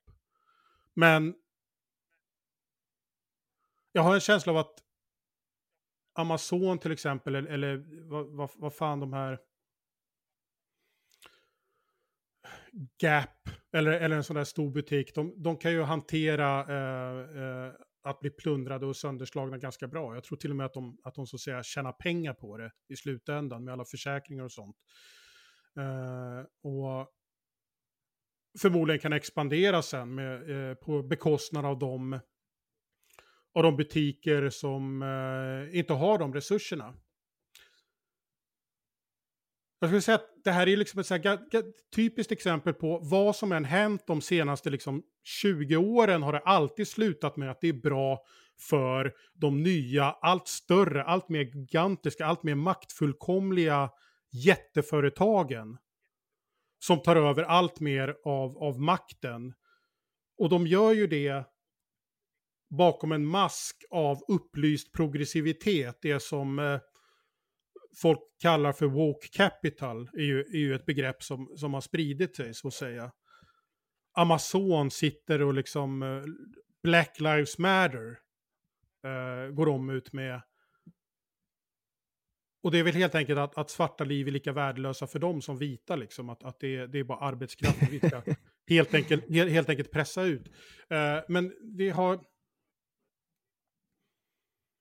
Så det är, väl, det är väl där jag står politiskt, att jag är väl eh, eh, mycket, mycket skeptisk till precis allt som har skett och skulle vilja gå tillbaka. Det här är ju inte en särskilt fruktbar politisk position, eh, eller, eller ens särskilt intressant, men eh, så att säga, och, och jag eh, är ju inte någon politisk aktivist heller. Eh, Vem, vem får din röst då när du går och röstar? Det är valhemlighet i Sverige och det tycker jag finns en liksom poäng med att det ska vara det. Just på grund av det vi har sett de här senare åren med liksom stor, stor social press på folk att inte rösta på ett visst parti. Eh, Sverigedemokraterna var ju närmast grotesk eh, social, medial, politisk press då, framförallt valet de kom in, alltså det liknar ju mer sättet man, ja, som Putin skulle liksom behandla något eh, liberalt uppstickarparti eller någonting. Uh, väldigt, men det här väldigt aggressiva och hotfulla sättet man behandlade Sverigedemokraterna på eh, uh, 2010 sen dess har ju de normaliserats ganska mycket och nu är det väl i, i de flesta delar av landet inte någon big deal att rösta på dem. Men jag menar, det kanske blir andra partier som det blir lite svettigare att röstas på. Uh, uh, uh, Miljöpartiet börjar ju till exempel få en status i folkdjupet att, att Ja, men att, att det blir ett sånt parti som det snart kan bli så här att du faktiskt, ja, du kan få en smäll. Om du säger att jag vad är miljöpartist. Händer, vad tror du händer med, vad, vad, tror du händer med de politikerna som, alltså om Miljöpartiet inte kommer in i riksdagen, vad händer med alla mil, med Miljöpartiet toppar? Går de bara över till sossarna eller? De högst upp går ju till det privata näringslivet naturligtvis. Det, det är ju ganska självklart och resten tror jag Eh, alltså de i botten, de kommer ju liksom upplösas, skingra sig, eh, dras till liksom andra politiska initiativ.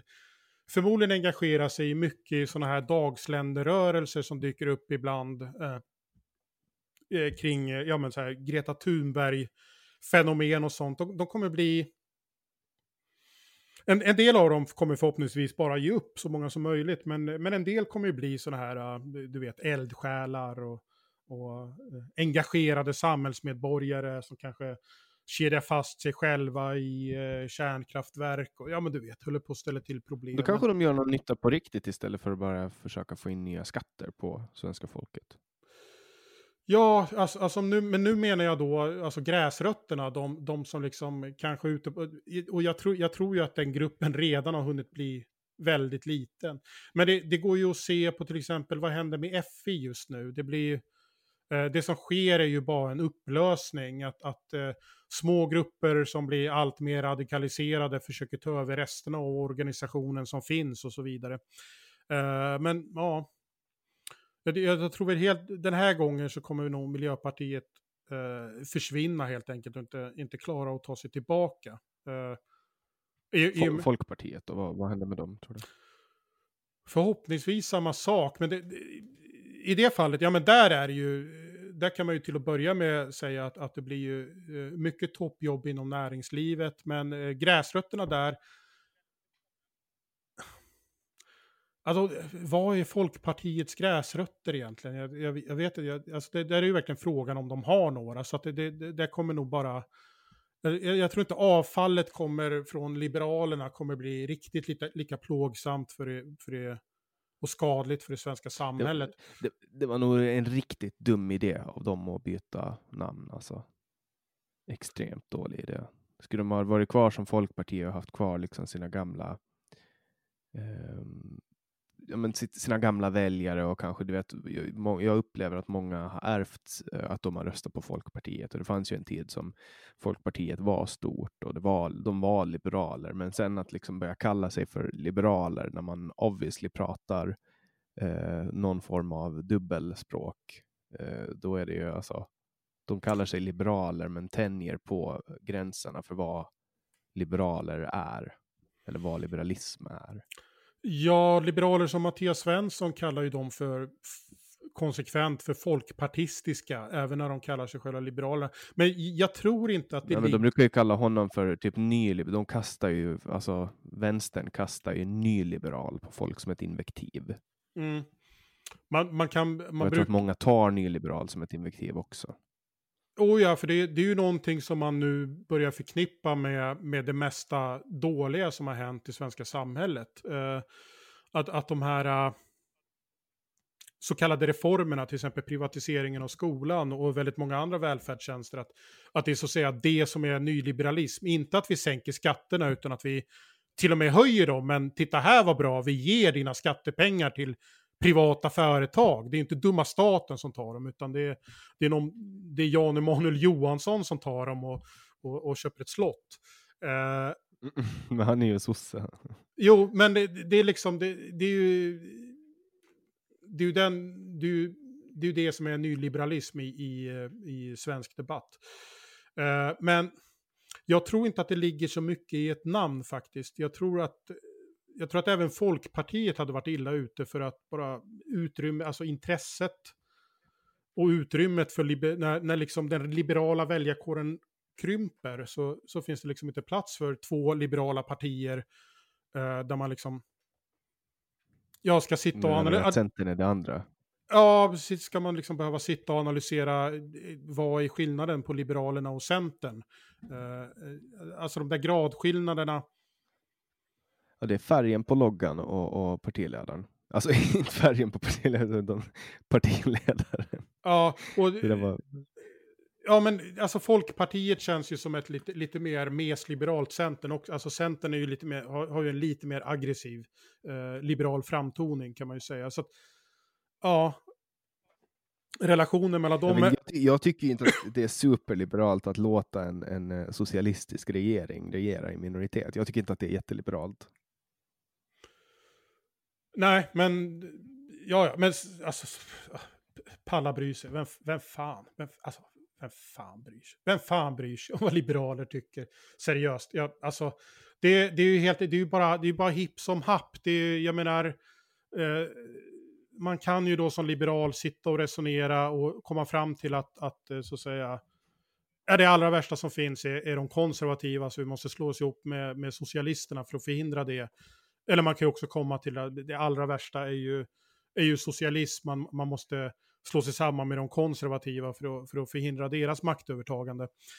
Uh, Värt att nämna är ju att jag faktiskt är liberal uh, mm, och har ställt mm. upp i Liberalerna på Åland. Men du, jag, jag, jag vet att du är liberal, du får ursäkta för att jag inte har någon respekt för din ideologi, men jag menar... Eh, Nej, men det är helt okej. Okay. Det är helt okej. Okay. Alltså, alltså, det, det, är ju ett...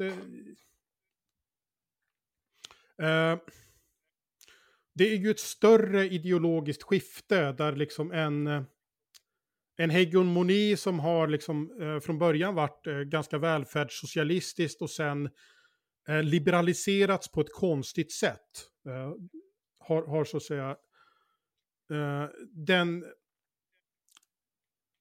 den hegemonin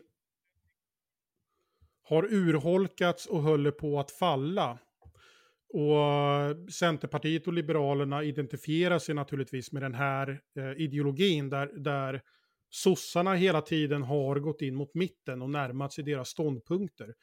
Eh, det, jag menar, när folk höll på att rasa om de svenska socialdemokraterna anno 2020 så sitter man och pratar om dem som de är, liksom sossarna 1976. Och det är ju inte samma parti alls överhuvudtaget. De sossar, vi har, de sossar vi har idag är ju liksom från 70-talets perspektiv är ju de Eh, betydligt mer liberala och radikala på många sätt än vad liksom den tiden Centerpartiet och Folkpartiet var. Uh, så, man, man, när man går omkring och, och liksom, oh, ah, du vet, uh, ojar sig över eh, att de här att partier med de här två partibeteckningarna har mage att eh, samarbeta så känns det som att man, eh, man verkligen inte ser skogen för alla träden. Man har liksom missat de större förändringar som liksom har pågått under, under liksom 20-tals, 40-tals år. Eh, de, de liksom stora skiftningarna i politiken som ändå har gör, gör att det, jag tycker inte att det finns någonting som är särskilt ologiskt med att Liberalerna och Centern eh, i, i slutändan backade sossarna. Det var ju typ ganska väntat och inte ens ideologiskt motstridigt. För att jag menar, de har ju ändå samarbetat om att bygga upp ungefär samma slags samhälle. Ett samhälle där eh, Vanliga löntagare, medelklassen, pungslås eh, på sina inkomster. De rika har erbjuds, och då menar jag de riktigt rika, alltså överklassen i Sverige. Det är ju när du har, när du har skaffat ett AB och börjar göra st stora pengar på det. Eh, att vara anställd. Ja men, ja, men de som liksom har vanliga anställningar, det, det är de som med sitt hårda arbete ska då underhålla dels alla som går på socialbidrag, men också alla de här lurendrejarbolagen som liksom ska sköta våran välfärd nu. helt utan, utan några, några som helst marknadsmässiga mekanismer som kan korrigera eh, usla beslut. Det, det, det är ju, ja. Uh, ja men, eh, jag tar bara ett väldigt vardagligt och enkelt exempel. I kommunen jag bor så är eh, de här påsarna som vi ska slänga matavfallsrester, de är i papp. För att eh, kommunen har gjort en deal med någon påstillverkare här i trakten som är dessutom är bekant med en massa kommunalråd och skit. Och då har de gjort ett avtal som löper fem år om att de ska köpa in och dela ut de här alltså matavfallspåsar till hela kommunen. Vad händer när man lägger blött matavfall i en papppåse? Den luckras upp och går sönder.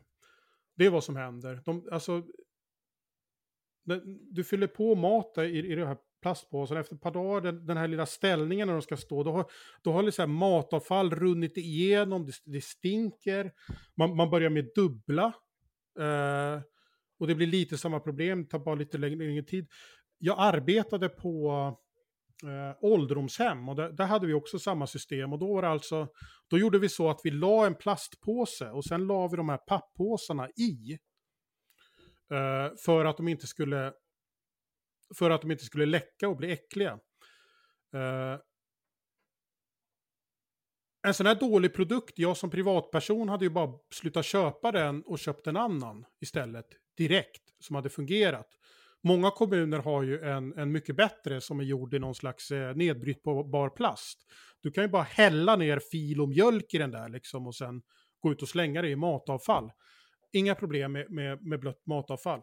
Eh, men i det här fallet så går det ju inte att vi, trots att det till och med är de som arbetar inom kommunens e-, egna verksamheter, inte använd, kan använda de här uh, usla papppåsarna på, på liksom det sätt de är tänkta. Så har man ju då skrivit det här kontraktet på fem år eller någonting. Uh, detta är ju ingen fri marknad överhuvudtaget, utan det är ju ren och skär uh, institutionaliserad korruption och inget annat. Mm, det är helt otroligt alltså, de där jävla påsarna där jag bodde i våras också, ute på landet i Sverige, nere i Västervik, så kom ja. de och så la de de här påsarna bredvid soptunnan. Ja. Och, så att de var ju blöta liksom redan när de var där. Så det låg liksom högar med sådana jävla påsjävlar. Och de är helt värdelösa. Det är det enda de är alltså, du kan använda dem till om du ska sitta på stan och dricka sprit så kan du liksom lägga in din flaska i en sån påse och sitta på en parkbänk som du vet hobos gör i Central Park.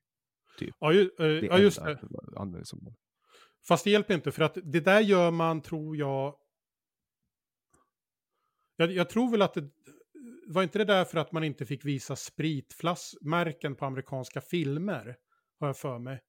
Så började de dricka i en påse och, och sen spred det sig till verkligheten. Ja, ja, ja.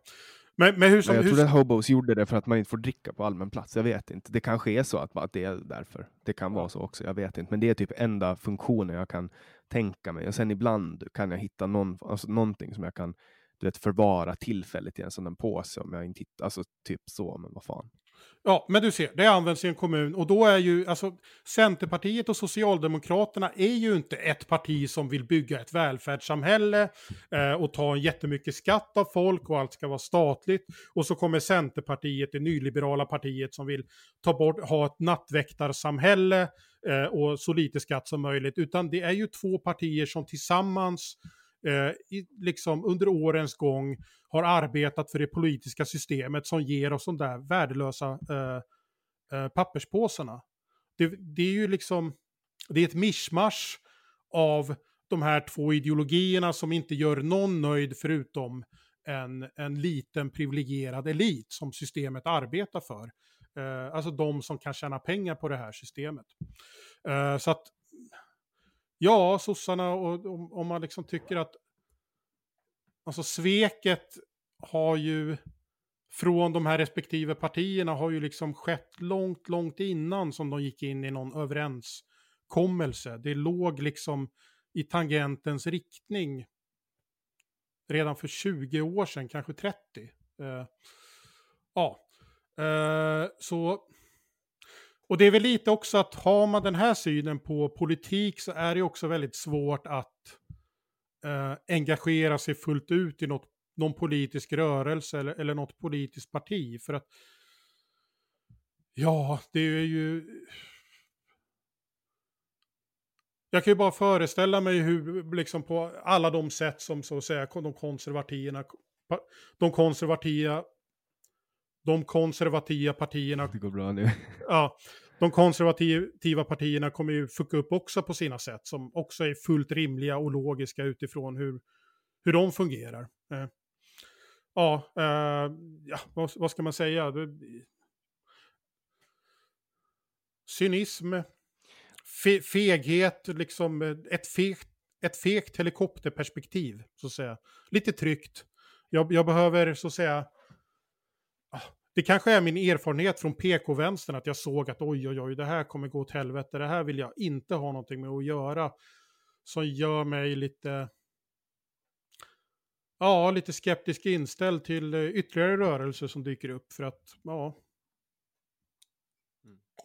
Om vi, om vi riktar blicken mot USA på, och kollar på kommande presidentval där, hur tror du att, hur tror du att State of the Nation kommer att, att vara där efter valet? Vem kommer att vinna? Jag har faktiskt ingen jävla aning. Du eh, skiter i USA eller? Ja, alltså... Ja, mm, uh, ja, faktiskt. Alltså det är väl... Det är väl lite hugget som stucket. Vad är det, alltså det, är, det pågår ju någon slags rejäl dekadens där borta. Det, det, det, det är väl det enda, jag menar den här... Alltså de här presidentdebatterna kommer ju, det kommer ju vara något fullständigt groteskt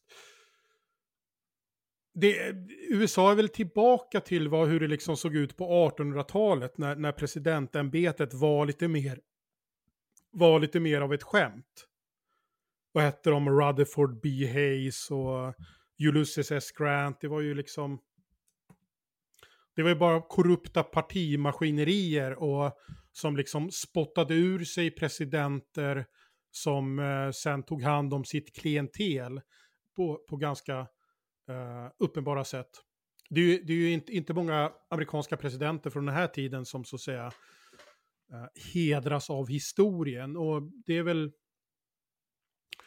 Det, det sker väl någon slags återgång till det när det, bli, när det blir så väldigt uppenbart att man har uh, så att säga Weekend at Bernies figuren där, ett, ett liksom nästan bokstavligt lik man använder som någon buktalardocka som man, som man liksom knappt törs låta prata med, med, med reportrar.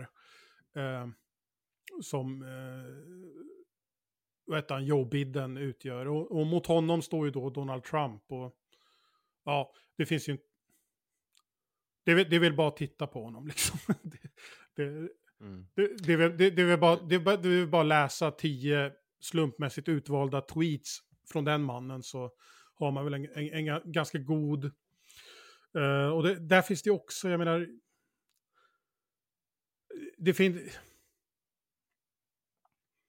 Där, där, blir det väldigt tydligt den här äh, metakaraktären uh, som... Uh, så, så, som den nuvarande diskursen så att säga lider av. Det, det, det är någonting som återkommer hela, hela tiden i högerns argumentation.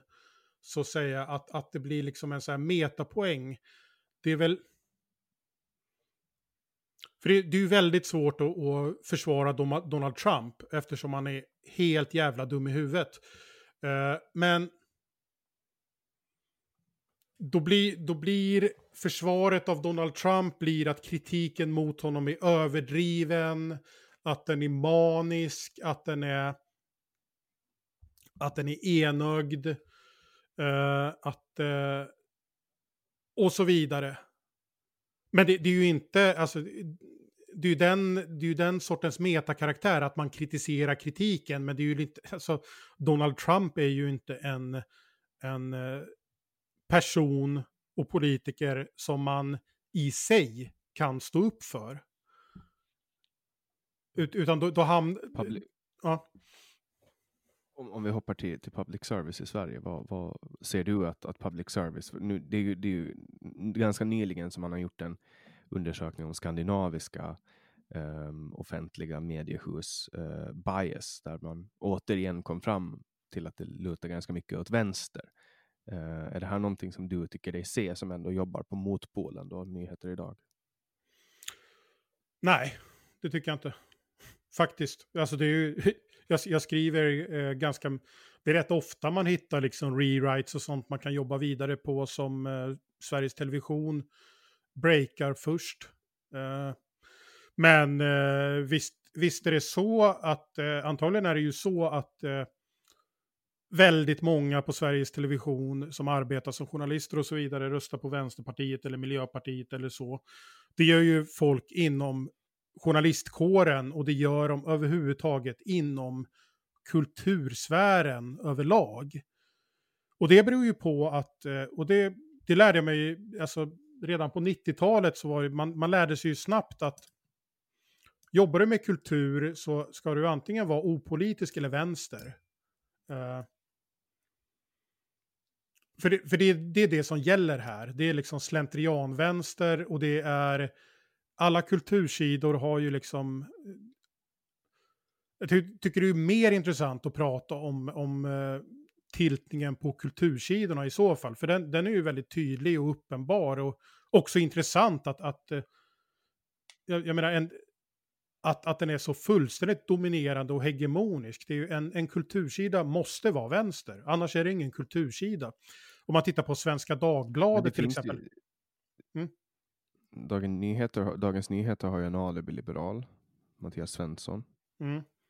Uh, han skriver på ledarsidorna, så att, uh, jag, jag, pratar inte om ledarsidorna nu, utan nu pratar jag om kultursidorna. Som är, det, det är som Men en han slags... skriver inte han på kultursidorna också då? Nej, han, han skriver, han, han, har väl säkert skrivit någon krönika, men han, har, han brukar hoppa in och vara ledarskribent. Uh, men visst, alltså det är vänster, det är vänster, det är vänster och ibland rör, rör man till det lite grann med att, med att slänga in någon liberal uh, på kultursidorna och ibland någon konservativ som är typ uh, en, ja, en, en SD-hatande konservativ av, av något slag. det, det är ju väldigt mycket tydligare och det är också sådär, Uh, det handlar ju mycket om, liksom, det, är, det är ju en yrkesgrupp som har eh, marinerats i de här politiska fördomarna i, i många, många år. Alltså sedan 60-70-talet. Och så, så, har det ju också generellt... Eh, så är ju, det är ju liksom ett narrativ som går igenom i all populärkultur vi tar del av från att vi liksom börjar växa upp. Från 60, då har det ju alltid liksom de progressiva varit hjältarna. Eh, de konservativa, de rika, det har ju liksom alltid varit skurkarna. Och den amerikanska... Den amerikanska självkännedomen som, som är ganska intressant eh, och, och, och, lite unik för en supermakt är ju att om, om vi tittar på en organisation som CIA till exempel. Vars uppgift då är att, att så att säga eh, rädda, alltså skydda USA. Det måste ju vara, alltså sen 60-70-talet så måste ju CIA i ungefär 90% av alla filmer och tv-serier, Hollywood-producerare som de har varit med om, framställt som skurkar rakt av inte sällan varit skurkarna liksom i filmen så att säga. Oj, CIA förföljer mig. Eh, ja. Eh, det här är, och det här är ju någonting som djupt präglat alla som dras till kreativa yrken och har gjort det de senaste 50 åren. Så att eh, det är väl klart som fan att du vet hälften av de som jobbar på Sveriges Television är kommunister. Det betyder ju inte att, att det alltid präglar allt de gör riktigt. Utan ja. Mm. Vad, vad, tycker du om, om public service då? Tycker du att det ska finnas kvar i den form det finns idag? Uh, den är, känns väl som en ganska överspelad zombie. Uh, Ja, nej, men det, det, är ju, det är ju en zombie helt enkelt. Det, det, är, det är en vandrande död som egentligen så var det liksom redan klippt för Sveriges Television och public service när internet kom igång på allvar. När, när, man, när, man, när liksom en vanlig svenne fick så mycket fick så mycket datakraft så att man kunde streama YouTube. Där och då var det kört, egentligen. Men eftersom det är ju så oerhört mycket, mycket pengar inblandat så blir det ju förstås en, en ganska utdragen process. Eh, men eh, om vi ska gå tillbaka i tiden till, om vi säger 70-talet så tycker jag väl att det är en bra idé med public service till exempel. Eh, på samma sätt som det liksom fanns en poäng med de olika pressstöden, med olika kulturstöd. Att eh, eh, jag, jag, jag är inte en sån som generellt vänder mig mot att skattepengar används för kultur. För jag, jag, jag särskilt inte en så liten marknad som Sverige eh, kan, har, har inte tillräckligt mycket underlag för att, för att liksom eh, bära upp annat än den värsta tänkbara skräpkulturen. Liksom, som man, alltså, det enda som är lönsamt att göra i Sverige var ju liksom eh, Sällskapsresan, typ. Eh, så i, i, en... I en miljö där det, där det enda sättet att, att liksom producera film var de här stora apparaterna. Där det enda sättet att producera någon slags kultur krävde liksom, liksom stora stora företag eh, var inblandade så är det ganska rimligt att ha olika former av kulturstöd så att vi har en bredare kultur än bara Sällskapsresan. Det där har ju... Eh, det där gäller ju liksom inte riktigt idag. Eh, utan jag menar, det, det, det är liksom obsoleta rester. Och det, det är ju klart att jag tycker det är, det är surt att, att eh, de ska ta skattepengar ifrån mig Eh, för någonting jag inte tittar på. Men poängen här liksom i, i det lite bredare respektivet är ju just det, att jag inte tittar på det. Det är ju inte mina barn, alltså mina barn, och det, det är ju nog, nog någonting som gäller för de allra flestas barn, tittar ju knappt alls på Sveriges Television. Och, och med tiden så kommer ju så kommer ju eh, public service-lyssnare och tittare helt enkelt att dö ut. Fram till dess så kommer vi absolut eh, spendera, väl, kasta väldigt mycket skattepengar ner i den djupa sjön, men till sist kommer den att torka ut. Uh, ja, det, det, är väl, det är väl vad jag tycker. Och återigen, jag har liksom ingen åsikt. Jag, vad fan ska jag sitta och ha en åsikt om public fucking jävla service för? Jag, va, liksom, va? Vadå? Jag, jag är någon snubbe på sociala medier jag, som har en podd. Eh, jag, jag, skulle vilja säga att det djupa problemet är att eh, det överhuvudtaget är eh, en fråga som man kan hålla på och stå och rulla. Det är liksom...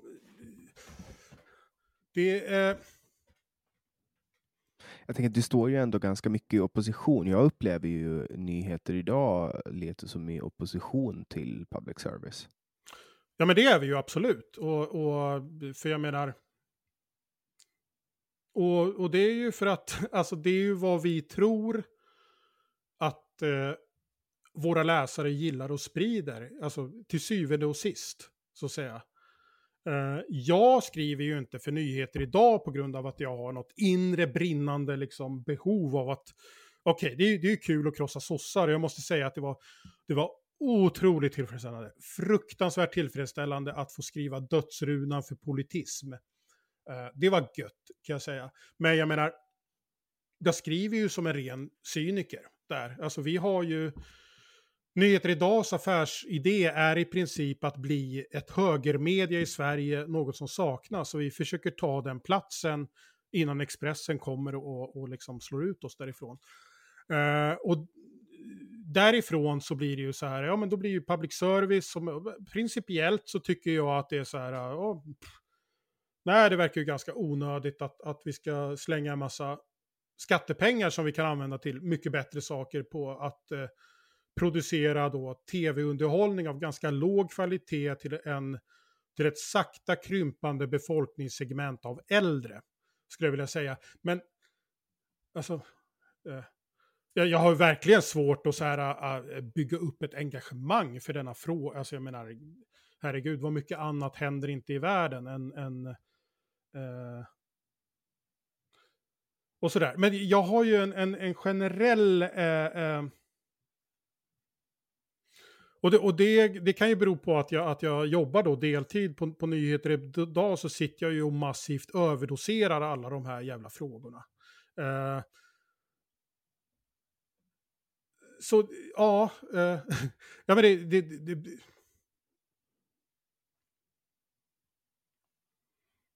Ja, jag hör ju att du är jävligt trött på att prata om de här sakerna. Ja, men föreställ dig att du, att du jobbar som copy på en reklambyrå och skriver copyright om, om olika... Eh, eh, om, om, om eh, skriver copy om, om så olika produkter eh, hela dagarna. Då, när, när man slutar arbetet så vill man ju inte fortsätta diskutera produkters goda egenskaper eller dåliga. Eh, men, men, det är som att jobba som, som bagare och sen liksom äta bakelser när man kommer hem. Det är väl kanske inte. Ja, eller baka bakelser. Alltså äta dem kan man ju verkligen göra. Men, men, men, men det här är ju... Ja, men jag tänker att du, om du står och jobbar i ett bageri och lagar mm. gräddmunkar och allt sånt mm. sött. Liksom. Det känns ju som att man ätit sig trött på det då i början och kanske väljer en skinksmörgås när man kommer mm. hem istället. Men det, det är också, jag, jag, tycker också det är, är, väldigt svårt att liksom ha en åsikt som är värd att bry sig om, om public service. För jag menar det finns, ja men det är väl onödigt, det borde man liksom skala ner på och lägga ner. Och eh, eh, det är jättebra med public, public service och det, det, borde vi lägga ännu mer pengar på. Eh, ja, jag vet inte.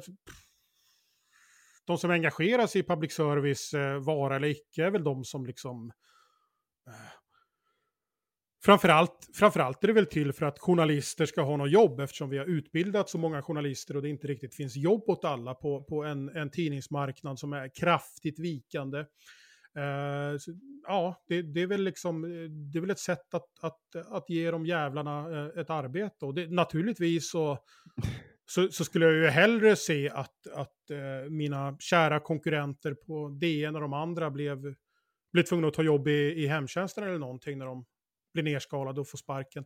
Eh, av ren skadeglädje, men eh, ja, det är... Alltså jag bryr mig inte så... Alltså, så småaktig är jag inte. Att, att, att, att jag... Ja, ja public, public service. Men det, det, är ju en poäng att, att eh, eh som Pelle Zackrisson eh, brukar, brukar framföra att, att public service eh, genom att ta skattemedel och, och, producera nyhetsmaterial så ägnar de sig åt, åt, en, åt en ganska ful, eh, otillbörlig konkurrent mot eh, privata medier, inklusive vi, eh, på Nyheter Idag. Det, det, är ganska talande för, för hur, hur liksom den här klicken är liksom sammankletad med varandra. Att Peter Wolodarski och etc. och de som borde vara känna sig liksom eh, mest utkonkurrerad av public service ändå tycker att public service är så viktigt, det är ett värn för demokratin. Eh, det, är också talande, men det, där hamnar man liksom återigen, hamnar återigen i det här... Eh, jag, jag, tycker, jag, jag, känner ingen värdighet i att gå omkring och ha en stark åsikt om public service. Jag, jag tycker det, det, då blir man som den här, jag, jag ser liksom ingen skillnad på det och den här känner du till den här, vad heter han, Bengt Göransson eller Bengt Johansson på, på Twitter som kör en livslång ka kamp mot vägsalt? Nej. Det, det, det, är lite, det, det, är lite ett kultkonto, jag vet inte om det är något troll eller någonting, men, men han, han håller på och twittrar hela tiden om, om, om vilken stor fara vägsalt utgör för liksom det svenska samhället. Och jag känner, överdoserad som jag är nu, på Nyheter Idag-arbete och på sen det här jävla Twitterkontot då, där man du vet, sitter och håller på. Även när man, när man är ledig och borde tänka på något annat, sitter man på Twitter och får den där skiten nerkörd i halsen. Jag, jag, jag tycker att, eh, eh, ja men de allihopa, Ivar Arpi, Hanif Bali, och nu, nu nämner jag en massa högerord, det är för att de på vänsterkanten är, de är så de är så obetydliga, de är så svaga och ynkliga och patetiska att jag inte ens vet vad de händer. Men, att jag inte ens vet vad de heter, men, men det gäller dem också. Jag tycker de allihopa är, är bara mer och mer som Bengt Gör, Johansson, Göransson. Att, att de för något korståg om, om vägsalt. Det, det, det, det är vad jag känner. Eh, jag kan ju, jag kan ju bara, för, bara för att haka på han här Bengt nu säga att vägsalt är jävligt dåligt, alltså för bilarnas underreden. På Åland så sandar vi vägarna och det funkar ganska bra. Jag tycker det är helt sjukt att ni åker runt och kastar salt på vägarna. Det förstör lederskor och underreden. Så ja, han får min röst i alla fall. Ja, ja men följ honom på Twitter så får du, då får du allt vägsalt-content. Men han hävdar ju att det är en miljöfara och att det, alltså att det har ju oerhört många andra väldigt, väldigt negativa egenskaper också. Um, ja, det, sänker, det sänker värde på bilarna, det är enough for me. Liksom. Ingen, ingen människa vill köpa svenskkörda bilar därför att det är bara rosthärk. Ja, det, det, det har nog... Det, det har nog. Ja, det, det, det, har nog du och Bengt rätt i. Uh, men, men som sagt, för mig, för, för, för, mig är fler och fler av, av de här frågorna är, är Bengts vägsalt. Och jag tycker invandring, alltså hur kan folk 2020 bara sitta och ägna hela sina jävla dagar åt att sitta och vråla på Twitter om invandring? Så här, alla, du vet, och, och också från det här perspektivet att ingen törs säga det här, men du vet, Jaha, det var ju inte så du mediokra... Men alla säger det. Men alla säger det och du har liksom... Eh, eh, eh, Diff-Jonny har så här 7000 följare på Twitter bara sådär. Med dina mediokra eh, inlägg om invandring. Men du tycker fortfarande att det är liksom en... Eh, allt som, du vet, allt det här om överrepresentation, det har man gått igenom i media hit och dit. Det, Ja, ja, jag menar sådär, som, som, som nyheter idag-skribent så är jag lite orolig för att vi kommer få slut på material. Liksom. Eh, men folk vill ändå vara kvar i, liksom, i, i sina föråldrade världar där allting made sense. Folk kan inte förstå att alla är eniga om invandringen men det händer ingenting. Liksom. Vi får inte den politik vi, eh, vi vill ha eh, på det området. Eh, men och, och som sagt, och det, det, är därför, och det är därför jag, oh gud, liksom Jimmy som statsminister, ja tack gärna. Eh, alltså bara mata på med hela det här konservativa så kanske, kanske de äntligen håller käften. Eh, och det, det, tror jag som sagt, som jag, som jag tar tidigare, att, att då äntligen så, kan, så blir det tyst. Då blir det något, alltså då kan vi gå tillbaka till det, du vet att oj, sociala medier, jag tipsar om en rolig låt, jag tipsar, oh, kolla, har ni sett den där filmen? Titta, här har Johannes Nilsson gjort en ny novell på bibliotek. Att det blir lite sådana grejer istället är någonting som jag, jag både tror och hoppas på eh, eh kommer att ske. För jag menar, det, det, kan ju inte bara... Visst, jag befinner mig mitt i stormens öga på något sätt, men jag menar, det kan väl inte bara ändå vara jag som är som är förbannat mätt på den här skiten, eller? Nej, jag tror att det är ganska många som är mätta, men, men jag menar, det händer ju ändå ganska mycket saker nu. Det, alltså, jag menar, det här narrativet som till exempel Aron Flam har drivit under en lång tid. Eh, typ, det började med att han blev censurerad av SVT och sen fick han problem när han skulle registrera sitt bokförlag. För att det, alltså, och sen blir hans böcker häktade. Det kommer någon fyra poliser med skyddsväst och vapen och tar hans böcker. Det är liksom mm. det är bara som att det är nästan som att det är riggat. Det är för bra för att vara sant. Uh, det är det är ju absolut det bästa som har hänt Aron Flam, kan, kan man ju säga. Uh, nu, nu, ska jag ju inte säga att han, att han riggade det där, men jag menar, uh, Beredskapsmuseet är ju, är ju kända för att vara riktiga mensfittor när det kommer till den där jävla tigen. Eh, men det, det är väl jättebra för Aron Flam, det som har hänt. Uh, han har ju tjänat jättemycket pengar på det. Han kommer inte fällas. Eh, det hade ju varit helt groteskt om han, han kommer ju nästintill helt säkert garanterat uh, frias för det där. Det, det, det, ja, tror... Han det, kanske till och med får lite skadestånd för besväret. Ja, det, det skulle väl till och med kunna vara, vara en, en möjlighet, vilket, ja, mm, mm.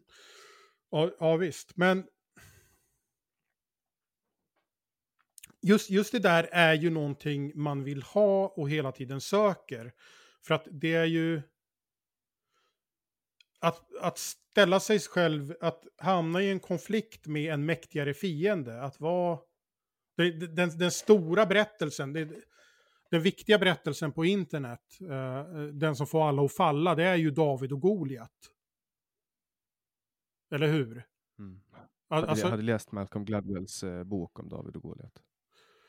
Nej, det har jag inte gjort. Jag, du vet, jag sitter bara och läser skit på Twitter. Jag hinner liksom inte läsa böcker längre, tyvärr. Ja, men, du vet, man... Ja, jag, jag ska inte Men säga... Den är väldigt bra. Det är en David, David och Goliat eh, historie. Den är superbra. Jag tycker att han är extremt duktig. Malcolm Gladwell, en av mina favoritförfattare. Mm. Eh, det, alltså David och Goliat har ju, det har ju förstås alltid varit en, en, en sån där väldigt... eh, ett väldigt snyggt narrativ. Den ensamma, men eh, sådär. Så att det, det, ju- Det roliga är att han i, den, i den här boken, förlåt för att jag avbröt dig, så, så Mm. går han ju faktiskt igenom hur det egentligen var. Alltså, det var ju egentligen David som hade eh, all, alla övertag. Därför att Goliat var ju för det första blind eh, och, och, och hade ett eh, melee-vapen. Eh, Mm. medan, Goliat, medan David var liksom, hade tränat så in i helvete med den här slangbällan. Mm. Och alltså sköt liksom, han har kunnat träffa på så här helt sinnessjuka nivåer. Så att egentligen så var det helt tvärtom. Att det var den lilla som hade den överlägsna taktiken som var den bästa. Medan Goliat egentligen bara stod där och fattade ingenting och såg inte ens och ropade så här kom hit med ditt svärd nu och så slåss vi liksom. Eh, så det är en ganska, ganska rolig twist på, på boken. Ja, och det är väl också ganska mycket så som det är som de senaste tidens utveckling på internet också har visat oss. Att det är ju, man har ju alla övertag när man är David. Eller hur? När, när man är den här enskilda eh, stackars utsatta individen som fick någon föreläsning avbokad, eh, hjälp, stöd mig, swisha hit och dit. Då är man ju den som har övertaget och de här eh, de här stora, liksom, all, du vet, ju större desto mer långsamma och blinda är de ju helt enkelt. För oss på nyheter idag är ju, i de etablerade medierna är ju liksom, de är ju helt perfekta att springa omkring och slunga sina stenar i ansiktet på. Eller hur? För det, Mm. de, de är ju, så att säga, framförallt så drabbas ju, ju större företag, desto, eh, desto större är ju risken att, att, du, att du själv drabbas och infiltreras och känner dig tvungen att reagera på de här uh, woke-grejerna och politisk korrekthet.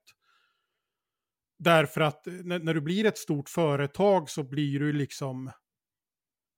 Då, då, då börjar, alltså stora företag, stora organisationer tenderar ju att få det här uh, mer försiktiga sättet att bete sig på att man är mer rädd för att göra, råka göra fel när man har kommit upp till en viss nivå. Än att liksom ja, ta en risk och göra rätt. Som man kanske har mer inställd på när man, när man försöker slå sig fram. Så även där är det ju, det är ju lite så att säga ett falskt narrativ. Det är ju Aron Flam som har alla vapen på sin sida i sin kamp mot de här helt förvirrade boomerserna på beredskapsmuseet som får alla emot sig och kommer förlora sitt idiotiska mål. Ja. Och nu har vi, nu har vi avverkat två timmar. Och jag tycker att det var spännande att äntligen få podda med dig för att jag har som sagt suttit med, köpte ju alla avsnitt av Magister och satt och lyssnade igenom dem när jag levlade 1 till eh, 60 i WoW Classic när det släpptes. Så jag har Mm. suttit med din röst i, i mina öron i många, många, många timmar och jag hoppas att även ni som har lyssnat på det här som, som eh, kanske inte har lyssnat på Johannes tidigare har fått ut någonting av det. Om ni eh, är intresserade av, av det han har gjort och speciellt då Magister som jag tycker om så kan man fortfarande köpa avsnitten av det. är Intressant. Det kan man göra. Det räcker med att skicka, var det 100 spänn? Ja, men nu säger jag att det var 100 spänn här, så att det får väl bli det nya priset om det skulle varit högre. Nej, men, det Men- var nog 100 kronor. Ja, man kan, eh, man kan skicka det till, till mitt swishnummer eh, som är 0709 502 758. Och det finns, eh, swishnumret kommer ni ju... Här kommer jag in i efterhand och ska påpeka att eh, Johannes också vill att ni, om ni är intresserade av att köpa de här magisteravsnitten, skriver med eh, MAG och er eh, e-mailadress. Så då vet han vem han ska skicka de här avsnitten till. Så MAG plus er e-mailadress i swishen så får ni de här avsnitten till er mailadress. Också kunna hitta då om ni går och kollar på mina poddar och där vill jag framförallt framhålla min podcast som jag kommer satsa på i framtiden, Bibliotek, som är eh, eh skönlitterärt eh, eh, skönlitterära berättelser som jag läser in och ibland har K. Svensson läst in lite annat också. Jag har en nedlagd podd som heter Tykonom som är lite mera sånt här material. Eh, som jag lagt till handlingarna och sen har jag en riktig, en riktig slowpod tillsammans med Malcolm Tjejune som heter Herrklubben som har kommit ut med fyra avsnitt och jag tänker väl, ja men så här typ att man kanske ger ut ett avsnitt varje år eller något sånt där. Något sånt. Mm. Men då, då tackar jag dig supermycket Johannes Nilsson för att du var med.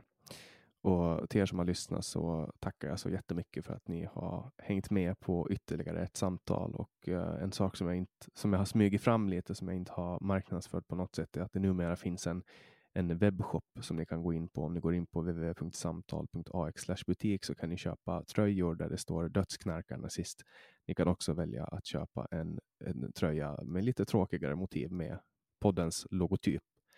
Ni kan nu också via hemsidan www.samtal.ax hitta länkar till Patreon och eh, Paypal och eh, Swish där ni kan gärna få swisha över en liten gåva, en liten donation så att jag kan driva vidare det här. Uh, ni hittar också på hemsidan en liten, uh, ett litet formulär där ni kan önska gäster. Det är jättekul att se eh, vilka ni önskar och jag försöker alltid så gott jag kan boka efter er som lyssnar. Jag heter Jannik Svensson och du har lyssnat på podcasten Samtal. Hi, I'm Daniel, founder of Pretty Litter. Cats and cat owners deserve better than any old-fashioned litter. That's why I teamed up with scientists and veterinarians to create Pretty Litter. Its innovative crystal formula has superior odor control and weighs up to 80% less than clay litter. Pretty Litter even monitors health by changing colors to help detect early signs of potential illness. It's the world's smartest kitty litter. Go to prettylitter.com and use code ACAST for 20% off your first order and a free cat toy. Terms and conditions apply. See site for details. Hey, it's Paige DeSorbo from Giggly Squad. High quality fashion without the price tag? Say hello to Quince.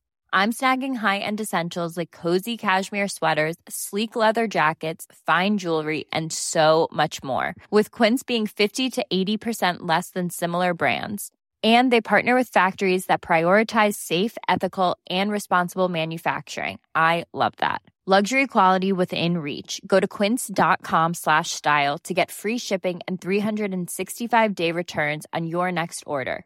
Quince.com slash style. Hey, it's Paige DeSorbo from Giggly Squad. High quality fashion without the price tag? Say hello to Quince. I'm snagging high end essentials like cozy cashmere sweaters, sleek leather jackets, fine jewelry, and so much more. With Quince being 50 to 80% less than similar brands. And they partner with factories that prioritize safe, ethical, and responsible manufacturing. I love that. Luxury quality within reach. Go to quince.com slash style to get free shipping and 365 day returns on your next order. Quince.com slash style.